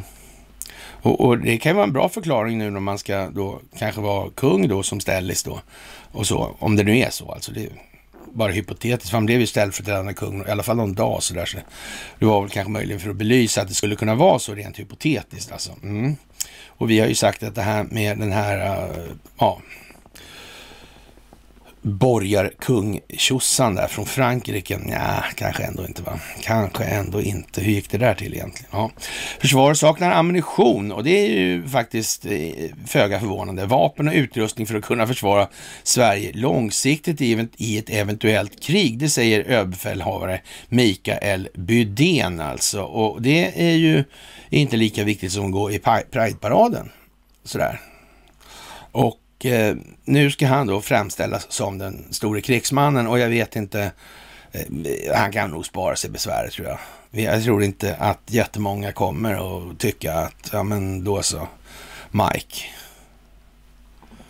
Ja, we follow you. Nej, jag tror att det är liksom, det där är löjligt bortom, jag vet inte vad helt enkelt. Jaha, och eh, vad ska vi säga, Boris Johnson är som han är så behöver vi inte säga så mycket om egentligen. Världsbanken ska, säger i alla fall att omikron kan hämma den globala tillväxten och jag vet inte, det är, ja, det är en ekonomi full med skuld, svek, lögner och som luktar rutten svensk fisk, alltså surströmming. Det finns ju inga strömmingar kvar snart. Så det, ja, vad ska vi säga? Eh, ja. Eh, ja, det är ju som det är med Världsbanken och IMF. Men nu sitter ju inte Magdalena där i alla fall längre. Så då slipper hon ju den lukten. ja. Jaha, Powell säger att inflationen är en utmaning för amerikanska folket medan centralbankerna är redo att vidta åtgärder. Ja, det kommer nog att visa sig det här ganska snart. Men, men som sagt, det, det, det vore ju bra om, för det, vi kommer att få se på rätt rejäla höjningar på energipriserna om inte folk rycker upp så, rycker upp så omgående. Det kommer som sagt att bli höga priser i januari, februari också och det, det kommer vi eh, att få se effekterna av i mars då. Och är det så att de behöver höja för att folk ska börja tänka, ja då blir det ju så. Faktiskt. Och de har inget val, de väljer inte själva längre. Det är inte så att man reformerar betalningsinfrastrukturen utan att ha koll på telekominfrastrukturen. Och har man koll på telekominfrastrukturen, då har man koll på Investor, punkt. Så är det. Ja. Och vad Marionetteatern ägnar sig åt då, efter det, ja, det kommer Investor tala om för dem. Helt enkelt vad de ska göra, rakt av. Ja, och när Investor talar om det så är det bara som vanligt att lyda. Mm. Problemet är nu mot då att någon talar om för Investor vad det är som ska hända. Och så har det varit länge. Så har det varit länge. Vi är i brygga. Sa Börje. Från Alibabas avbytarbänk. Nej, det var inte då eller? Jo, det var han. ja, så då. Jaha, det är lite sådär dolda fakta om blodtrycksmedicinerna, alla de här folkmedicinerna, storsäljarna. Tänk vad bra de har gjort för läkemedelsbolagens kassakista. Ja, tro inget annat. Tro inget annat. Jaha, det är rörigt nere i Jemen till exempel nu och det kommer ju att eskalera där nere. Det är ju så att säga längre ifrån kärnan, längre ifrån nåderna för beslutsfastandet. Sådär. Och det kommer bli effekter, det kommer bli ett yrande, det kommer att bli flammande. Det kommer att flamma upp i det här. När ledningsfunktionen brister så kommer marknivån att röra sig av egen kraft en stund. Det kan ta lång tid. Vi ska hoppas att det inte blir som efter andra världskriget i Japan till exempel, på de här öarna. Med de här gubbarna som hade grävt ner sig där och var på, ja, mitt på, mitten på 70-talet. Så var de fortfarande nergrävda där. Det var, får vi nog se som lite speciellt och vi får väl hoppas att informationsrörligheten har så att säga ökat lite grann i alla fall. Sen dess, för det, det verkar ju lite lång tid kanske där en 30 år sådär. Det verkar ju meningslöst eller dumt eller så kanske. Eller? Ja, så. Ja, ja. Och eh, ja, Liberalerna vill då stoppa coronarestriktionerna och då börjar det bli lite rörigt i den svenska politiken. Då, ja, Magdalena Anderssons regering missbrukar sin makt genom pandemilagen, säger Liberalerna till Svenska Dagbladet och eh, partiet vill därför sätta stopp för en förlängning och de nya coronarestriktionerna. Man kan säga att de som kliver upp nu i det här, det vill säga Moderata ungdomsförbundet och Liberalerna, och så här, de är ju liksom politiskt stendöda i alla fall då alltså. Och jag såg att Wallmark var ute och svansa också. Det, det må ju vara som det är med den saken, men det, ja, det blir ju inte så man, de, har man då eh, högre IQ än skonummer så förstår man liksom att det är inte mycket till eh, riktig adressering eller problemformulering i det här. Nej, nej, nej, nej, nej, nej. Det, det är något annat alltså. Det är någonting annat i det här. Och, och det får man nog acceptera. Som sagt, man säljer Bukowskis och de som säljer Bukowskis är naturligtvis inga mindre än familjen Lundin då. Och eh, ja, man eh, kan väl lätt tänka sig att det där har använts då. Så steget, vänta nu ska vi se här. Det här med steget från Lundin till Hillary Clinton, är det långt eller? Nej, nej, nej det är det inte faktiskt inte. Från Hillary Clinton till Joe Biden. Är det långt? Ja, de känner nog varandra, så hon var väl ändå utrikesminister och han vicepresident, va? Ja. På tal om det här med aktioner. Att han får 500 000 dollar för en tavla som ser ut som den är ritad av en hund. Eller målad av en hund, kladdad av en hund. Kan det här sitta ihop på något vis? Alltså? Kan det här vara ett system?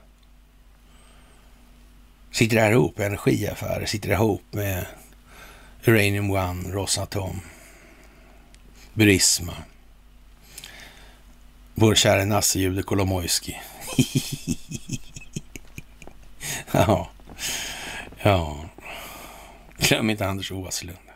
Kolla på bloggen hur många artiklar vi har skrivit om eh, Anders Åslund och Kolomojski och gänget. Alltså.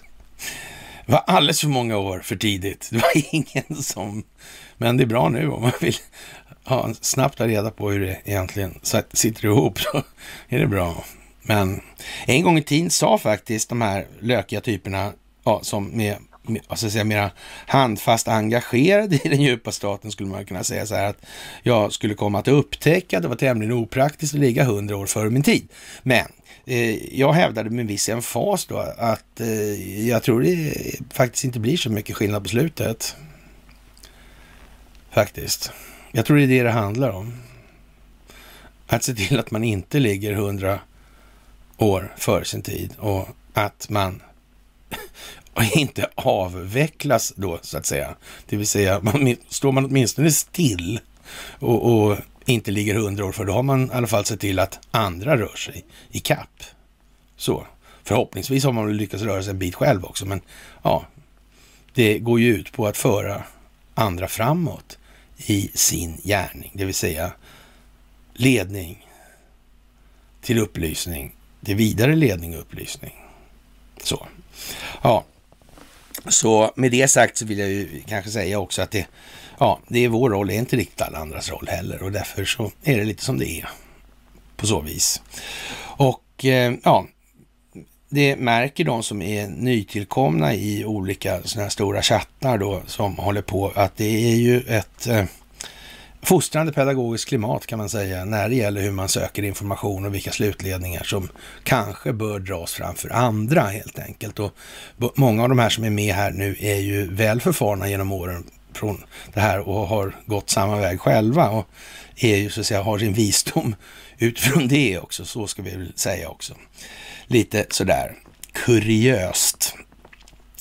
Jaha, och det här säljs då till då riskkapitalägda auktionshuset Bonhams då. Och ja, ingen köpeskillning som sagt. Och ja, Bukowskis har funnits länge och den här verksamheten har funnits länge. Och eh, som sagt, det här med Kassman, de här kretsarna och så vidare. Undrar om det inte finns en jävla rödbankir i det här också sådär, sådär småningom. I det sammanhanget. Så smyckar man in det där lite med Josef Frank och Carl Malmsten och det här. Lyfter upp det där. Höjer anseendet på den här handelsplatsen. Kan någon ha satt i system? Hur stora pengar går att... Men när de såld, säljer på konstauktioner kan det vara rätt dyra grejer va?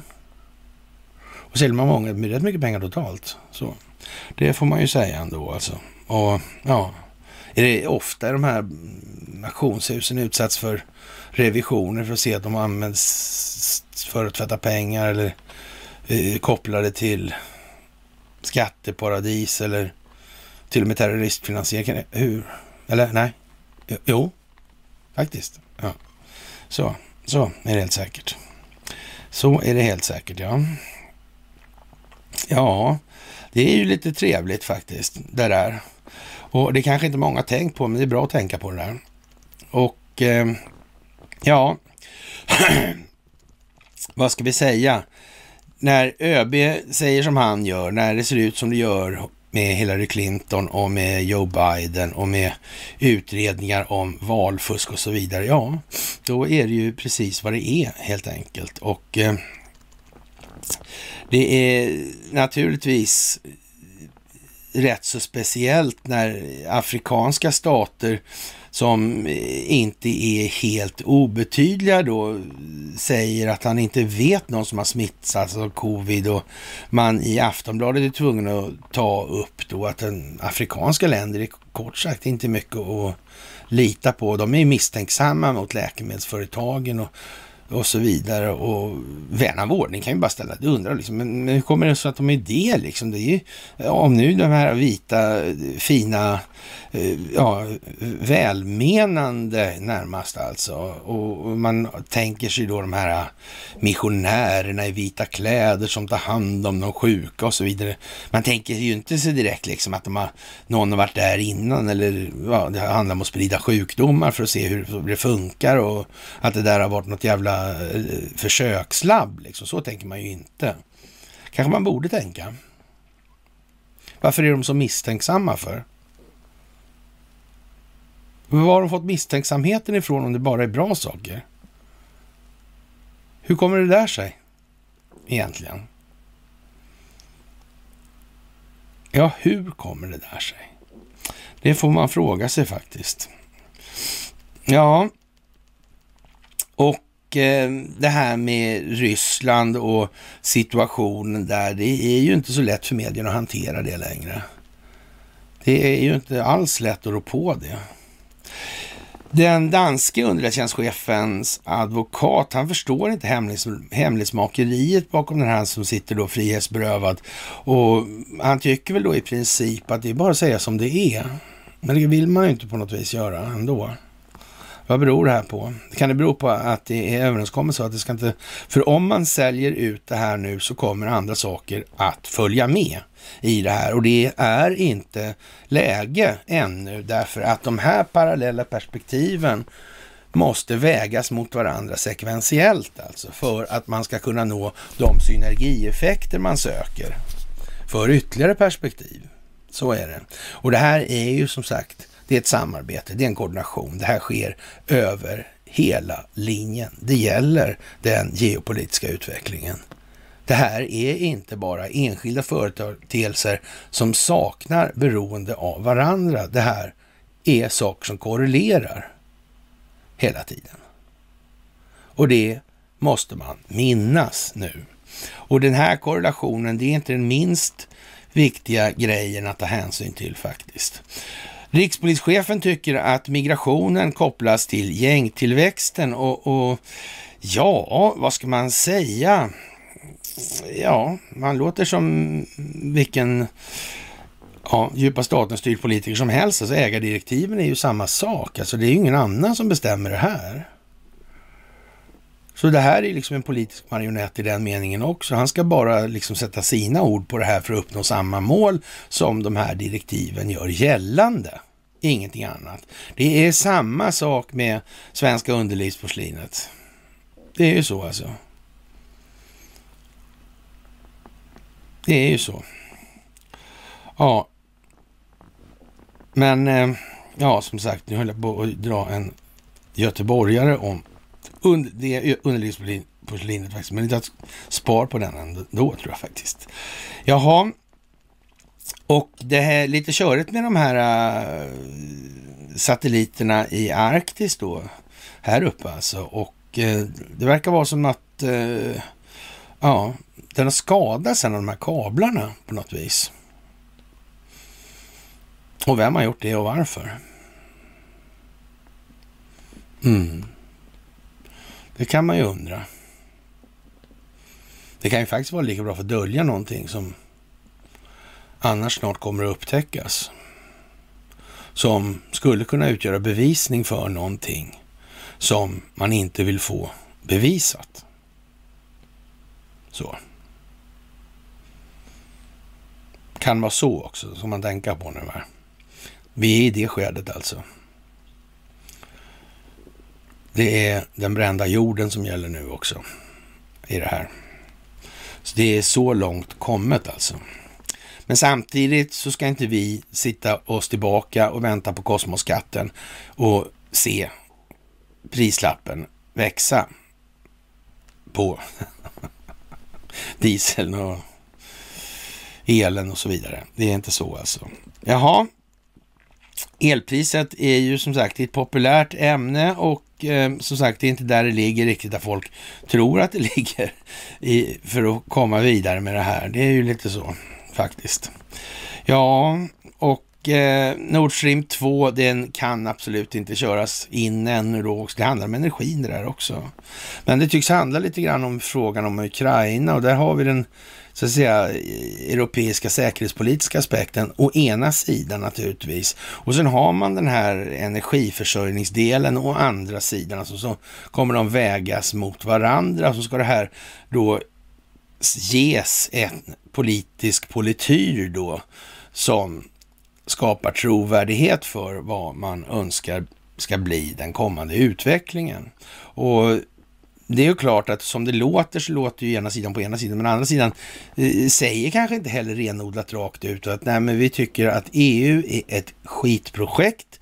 Vi tycker att NATO är ett skitprojekt. Vi tycker att brittiska samväldet är ett skitprojekt och så vidare så här. Och Atlantpakter och allting. Alltså Israel i, i sin nuvarande form och omfattning och det här. Det där är någonting som kommer upp ännu mera. Och det här måste ske samfällt, alltså samtidigt koordinerat för att inte skapa backlash-effekter istället. Och framför allt att förhindra att man opinionsbildningsmässigt kan motverka det här. Och eh, fram till nu kan man ju säga så här, du har inte då det här vikingahornet som man blåser i innan Ragnarök. Det har inte varit kontrollerat av en annan part än den djupa staten. Idag är det inte så längre. Idag är det annorlunda. Idag är det annorlunda. Så. Och eh, det är som det är. Ja, och eh, vi har ju mupparna på omslagsbilden idag och eh, det är ju uppskattat, inte på alla håll, så ni får gärna skänka gåvor på Swish och Patreon. Ja, det var inte lika populärt på YouTube om vi säger som så. Men vi tror att det här kommer att hålla streck. Eh, ja, vi, vi vågar, eller vågar vågar vi väl, men alltså vi, ja, som ni själva märker, det är lite nu funkar det utmärkt att jag är, är, har semester på Facebook sådär, men vi kan, inte få, vi kan inte få alla kanaler samtidigt avstängda. Det kommer bli, då kommer det bli svårare helt enkelt. Så det är inte så jävla mycket svårare blir det väl inte för en del är ju kvar och så det går ju ledare vidare, men ni förstår, jag menar liksom det blir rätt mycket mer arbete i alla fall. Sådär. Det är rätt många som arbetar ändå rätt mycket nu kan vi säga, utan att överdriva det minsta. Och inte minst i de här researchchattarna, Det är helt otroligt. Alltså, de går alltså dygnet runt ett antal människor. Och man kan säga så här att en sån chatt, om man varit borta en 6, 7, 8 timmar och, och mot förmodan har varit borta så länge, så då kan man säga så här, då har man en del att läsa igen alltså. Det görs inte på... Och det är många som har jobbat där då alltså, så det, det blir många gångers tiden som det tar att läsa igen det alltså. Så, så det... Nåja.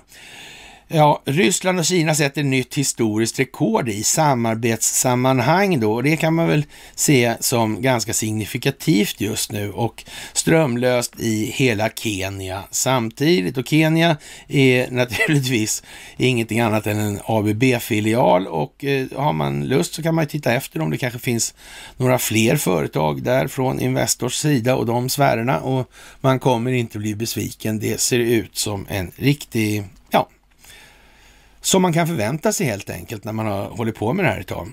Och eh, leran gör att Putin inte kan invadera i Europa och Ukraina, säger en amerikansk källa nu. Och, och det är ju, eh, ja, vad ska jag säga, det är som det är helt enkelt. Vädret, det har ju spelat Ryssland i händerna förr om man så säger, när väst har varit föremålet för deras kärleksömma låga. Då har det varit lite vintrar och det har varit lite lera och såna här grejer. Och det har ju varit till Rysslands fördel här. Och den här gången är det inte till deras fördel och det beror på att det är de som ska invadera den här gången. När alltid annars tidigare så har det alltid varit då väst som har kommit åt öster istället. Nu är det tvärtom istället. Då är det nackdel för Putin att invadera i... Man kan säga så här, lerexemplet alltså. Amerikansk källa, leran gör att Putin inte kan invadera. Ja, nej men så då. Mm. Vad skapar det för tankar? Ja, men det är ungefär som jag sa, helt enkelt. Och som sagt alltså, det är mupparna och vi har Ojsan, Ojsan Skojsan och vi har, ja, ja just det, hon heter inte Greta Nam utan ja, Lena. Så. Och så har vi Tengil också då naturligtvis. Och eh, ja, så har vi undertecknad då i o på The Muppet Show här och jag är så förvånad. Oh, säger jag så här så. Ja, nej, inte riktigt, men eh, i alla fall. Bra bild där. Och som sagt, det handlar om det svenska rättssystemet när advokatsamfundet har Dan Eliasson på, så att säga, ja, på sin hemsida i det här och medlem i det där. Han är ju liksom inte jurist och advokat på det sättet alltså. Nej, men det kanske säger någonting om hur det här är egentligen, den här strukturen, Stockholmsbyråkratin och så vidare. Varför, vilken funktion, vilka syften har uppfyllts? Vad har det varit meningen med det här egentligen? Ja, och så vidare. Ni hajar själva det här. Det är ju bara som det är alltså. Ja, och eh, expert rysk aggression kan tvinga fram svenskt NATO-medlemskap. Och ja, egentligen så borde det väl vara så här. Putin ska ju en gång sa det är bättre om vi går med i NATO, som Ryssland alltså. Då finns det ju ingen fiende kvar. Mm, det var vart det... Man kunde höra tystnaden alltså. Den dånade.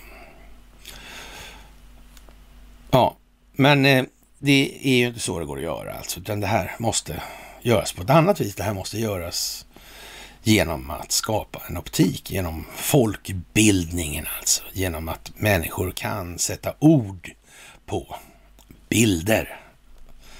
Ja, att bli bildade alltså. Mm. Upplysta. Medvetna. Medvetet medvetna. Upplysning. Till ledning. Till vidare ledning och upplysning. Och så vidare. Ja, det där svenska NATO-medlemskapet då och den, det, den här. Men vi undrar ju då lite, den här var inte de, de kanske nöjer sig med att skicka några medeldistansrobotar och såna här grejer då. Eller hur fan menar de? För det var ju lera var ju hinder för det här nyss. Och ju dåligt väder. Hur många gånger har egentligen Ryssland rört sig åt det hållet? Det är klart andra världskriget är ju ett sånt tillfälle då, men man får nästan anse att det, ja, det hade ju inte varit lämpligt att stanna vid gränsen så att säga. Det hade det ju inte varit. Nej. Och, och nog fanns det rätt mycket kollaboratörer som var opportunister som ja, hade följt med då den här rörelsen in i Ryssland. Så var det ju också naturligtvis. Jaha, och eh, ja, Svensk Teknik försåg man med grishjärta. Bolaget rusar på börsen. Det där är ju lite speciellt det här med Xivo och transplanterade grishjärtan. Det är strategiskt planerat så det räcker kan man säga och det här kan ni faktiskt sätta er in i lite grann faktiskt. Eh, en ledning kan vara att det kan vara, ha med religion att göra det här kanske. Vad är det för tider nu egentligen? Är det läge nu för sunnisekteristisk extremism? Känns det som att... Eh, vad, vad har det blivit av alla de där förresten?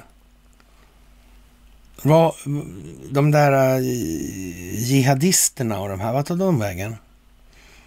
De har, vad, vad, vad är de i medierna någonstans? Man skulle kunna säga så här, frågan är var de har varit någonstans hela tiden kanske. Eftersom det är mediernas rapportering som har fått oss att tro det ena och det andra. Och nu får ser vi ju ingenting. Vad har de blivit av någonstans? I den meningen. Kan det här fungera på samma sak gällande andra saker som till exempel kärnkraft? Atomvapnet? Kan det vara så? Eller? Ja, det kan det nog vara faktiskt. Det kan det. Jag vet inte riktigt. Ja. Jaha.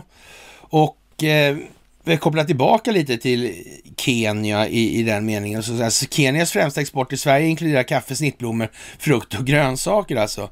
Sveriges främsta export till Kenya omfattar telekommunikationsutrustning, papper, maskiner, tillverkade tillverkade produkter, medicinsk utrustning och fordon. Över 50 svenska multinationella företag som ABB, Alfa Laval, Alsco, Bahco, Ericsson, Saab, Sandvik, Scania, SKF, Tetra Pak och Volvo har verksamhet i Kenya. Majoriteten av företaget driver sin Afrikaverksamhet från Nairobi och Kenya anses vara en åtkomstpunkt, alltså nådpunkt för den östafrikanska marknaden, de östafrikanska marknaderna ska vi nog säga.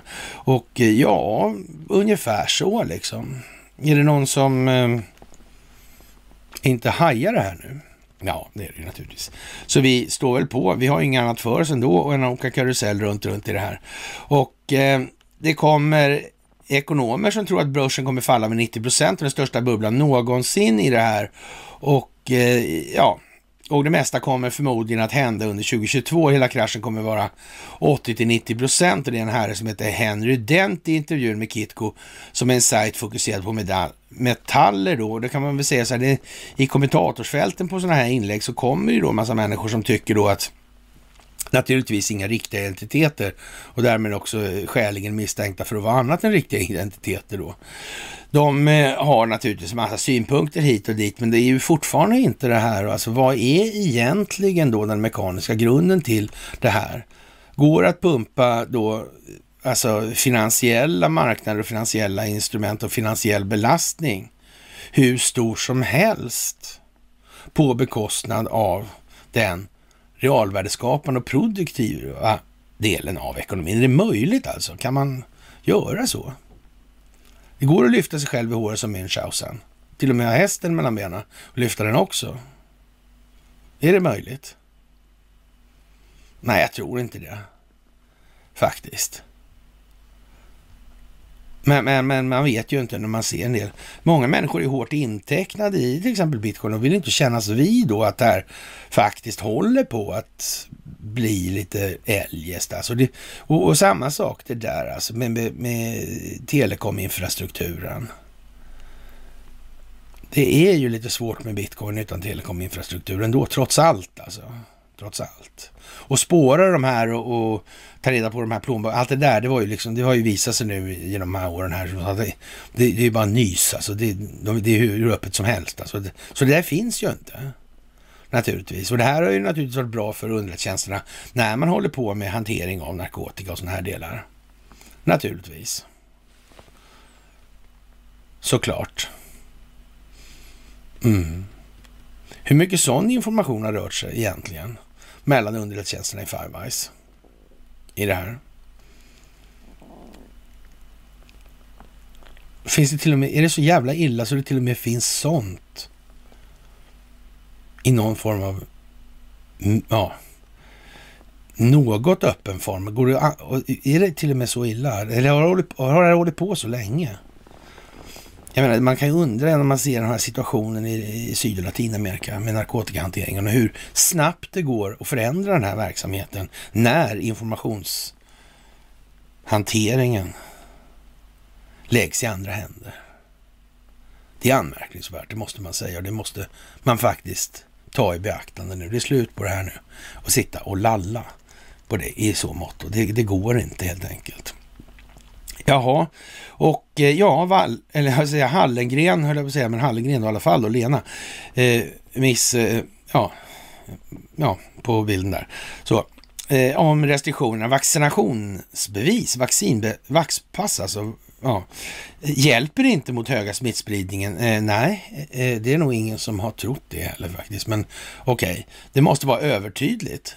Och, och, och när den inte den svenska befolkningen vaknar nu, när Lena står och säger så öppet, då får vi ta ett varv runt granen igen. Ja.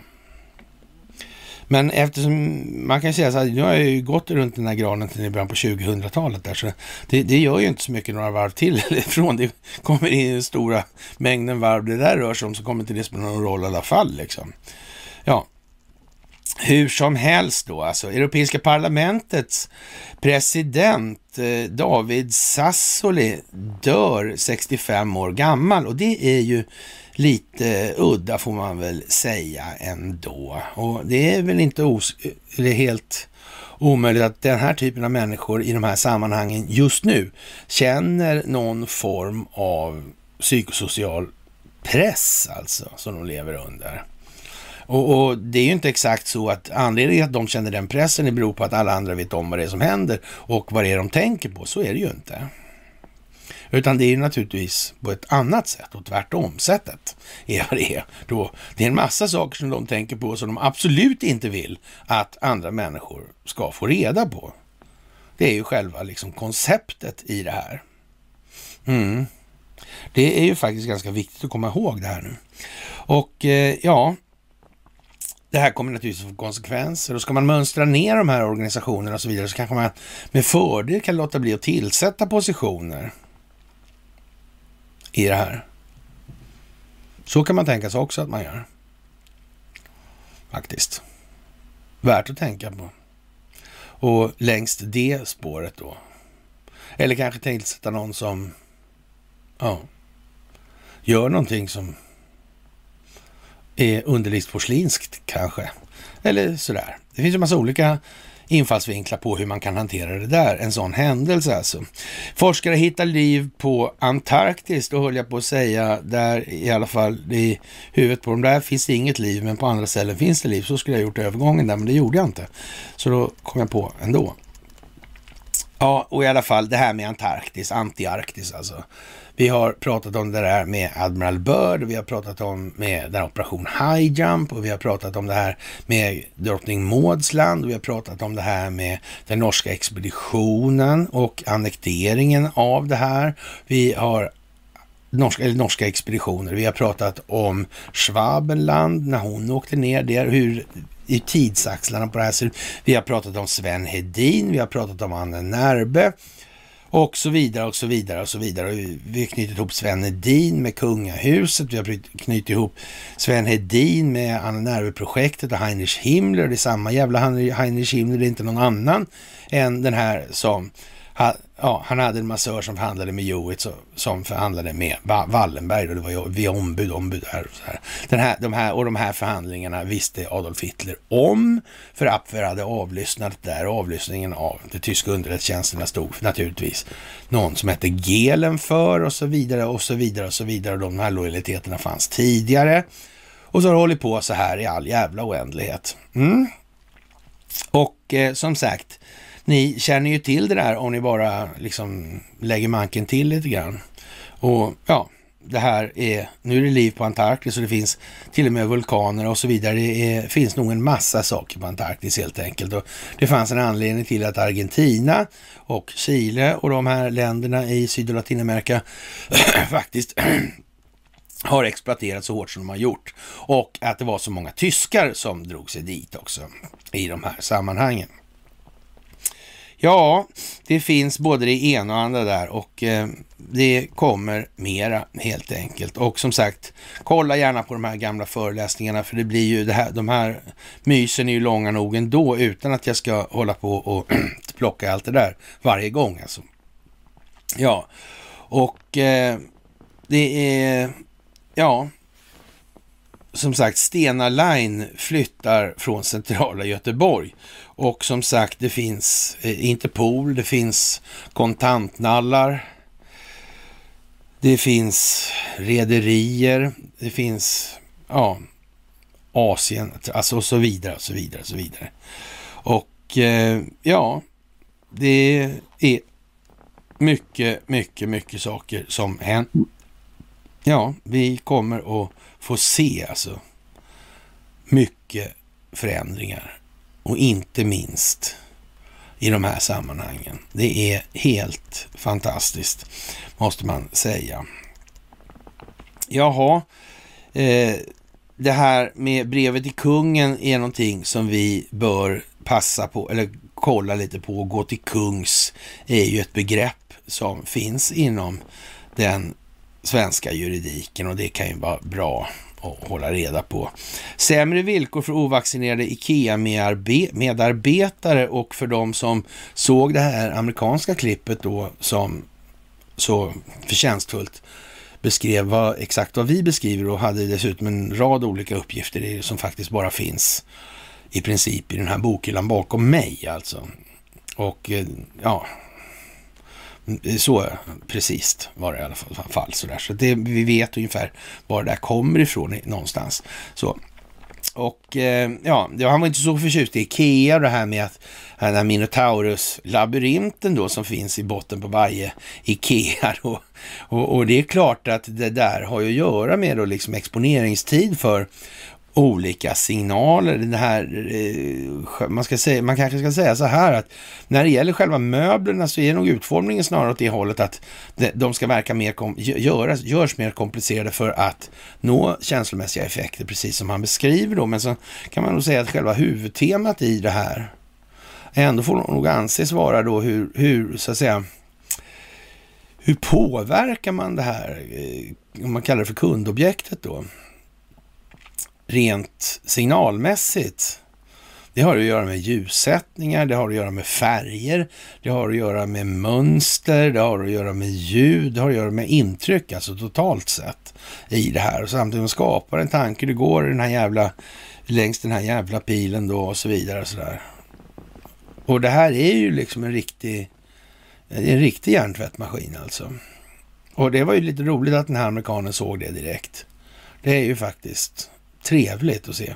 Eftersom de flesta svenskar inte har sett det fortfarande. Kan man ju tycka.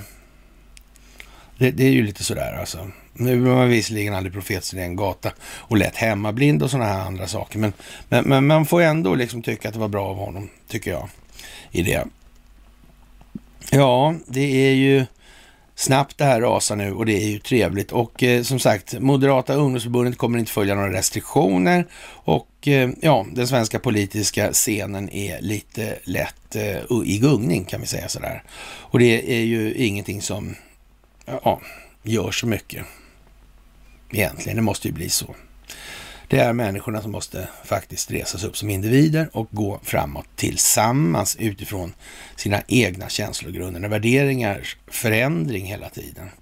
Och eh, ja, det är ju faktiskt eh, en hel massa saker. Målet, Sveriges bästa vinter-OS någonsin skriver man då i det här. Och vad är väl det värt att skita i, höll jag på att säga. Men det finns ju inte något som går att skita i mer än det där. Borde inte finnas alltså. Det löjligaste av allt löjligt. Damme fan. Så får man säga idag. Om man ska mäta den sammanlagda effekten av det här bröd och skådespelsjippot som har pågått då, alltså under så lång tid. Är det någonting som har varit positivt eller negativt för mänskligheten i stort? Ja, det är klart att de inte redovisar om det har varit negativt. Det, det tror väl fan det. De redovisar de positiva delarna och lämnar ut allt annat alltså. Men om man räknar de här effekterna, hur mycket så att säga koncentration och resurser och sådär som har åtgått i det här. Glädjen är ingen faktor man kan ta med i det här eftersom det är en ren konsekvens av ja, så att säga, den kognitiva formateringen. Av känslogrunden och värderingen. Så det gills liksom inte. Men om man ser då till sett till det större goda, finns det ens en möjlighet att det där vad har det egentligen för, te, för alltså, för kokar man ner det så, så är det ju bara vad det är, man ser vad det är. Det är 22 man som jagar en boll, liksom, eller ja, en man som står och försöker baxa upp en massa järnbitar, liksom. Ja. Nej, visst, alltså det kanske finns några sådana här, vad ska man säga, friskvårdsaspekter på det sådär. Det kan man ju säga att det gör. Men frågan är, vad blir det här värt egentligen? Mellan skål och vägg. En fråga värd att, så att säga, ta hänsyn till. Jaha, och eh, som sagt, vi får väl se hur man förhåller sig till det här, om det här myset också är någonting som så att säga enligt noggrann granskning från Youtubes sida då strider mot deras policy för felaktig, medic eller, ja, felaktig medicinsk information alltså. Och, och, det låter ju lite grann som att det fick vi ju på det här bästa myset då. Det var den kommentaren som man la ut. Men Man kan väl också säga så här att skulle det då mot, förmo mot förmodan visa sig vara så att eh, det i någon mån det faktiskt är som vi påstår och kanske inte alls som Youtube har påstått i det här. Och, och de är en affärsdrivande verksamhet och i, i den meningen har faktiskt tjänat pengar och bedriver som verksamhet så är det ju också någonting som kommer kunna användas emot dem. Som part i det här. Så frågan är hur dum i huvudet får man vara när man lämnar ut sånt där liksom? Hur tänkte de där? Vem skulle göra en sån korkad grej? Ja, det är ju kanske någon som tycker att Youtube som i sin nuvarande form och tappning kanske verkligen inte har den styrning det borde ha och kanske egentligen borde ha ett, annat, ha ett annat fögderi alltså över sig. Mm. Kanske någon som hade koll på att de här techjättarna skulle varit med från början. Vi skulle ha dem alltså. Men vi, det kommer ju aldrig gå om vi har dem öppet från början. Det kommer inte fungera. Så vi måste nog fan, vi måste kontrollera dem på något annat sätt alltså. Tror du telekominfrastrukturen skulle kunna vara en sån grej. Nej. Ja, det kan det vara kanske. De kanske betalar licensavgifter de till, för att finnas där. Det kan vara så. Mm. Hade man kontroll på den telekominfrastrukturen tidigt då alltså? Kanske man hade. Kanske det, kanske ja. Ja, ja, man vet ju inte som sagt. Fantastiskt hur som helst det här måste jag säga och eh, Ja, det är fred på gång på många platser. Det kommer säkert dra till lite grann också. Nu eh, ska vi ha vara förklarat att man lägger sig inte ner och dör från den djupa statens sida bara plötsligt så här. Så kommer det inte att ske, utan det här kommer naturligtvis att ta tid. Och eh, ja, det här är fantastiskt. Ni är så jävla fantastiska och eh, det här är ju roligt. Det går ju att köra hur länge som helst i det här. Det händer hur mycket som helst. Och återigen, vi ska slänga lite skit på alternativrörelsen för den underlåtenhet som visas upp i att man faktiskt inte adresserar någonting som egentligen spelar någon roll. Vi kan sitta och vänta på kosmoskatten och se prislappen växa på elnotan alltså. Det är bara så. Och den kommer att få växa tills dess att vi slutar vänta på kosmoskatten. Det är bara så. Det är helt säkert. Det är precis som det moderna kriget är uppbyggt. Det är bara så här. Och ja, och, ta jag är naturligtvis jävligt tacksam för alla som fick lämna förklaringar till hur det här är egentligen då, om det inte är så här. Utan, för då är det ju på något annat sätt och då känner man ju till det sättet. Så är det också. Vi, så länge vi kan påvisa på strukturer, händelseförlopp, ingå, inblandade personer och så vidare, vi, i vilka sekvenser, ur vilka perspektiv och så vidare, ja, och, och leda det här till saklig grund, ja då är det ju så.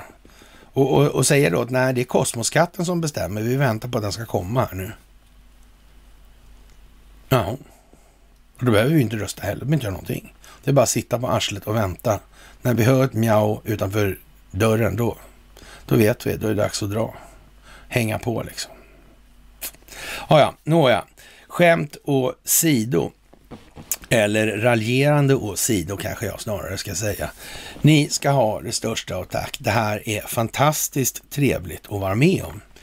Och jag tycker att vi gör enorma framsteg varenda dag och varenda timme till och med. Faktiskt.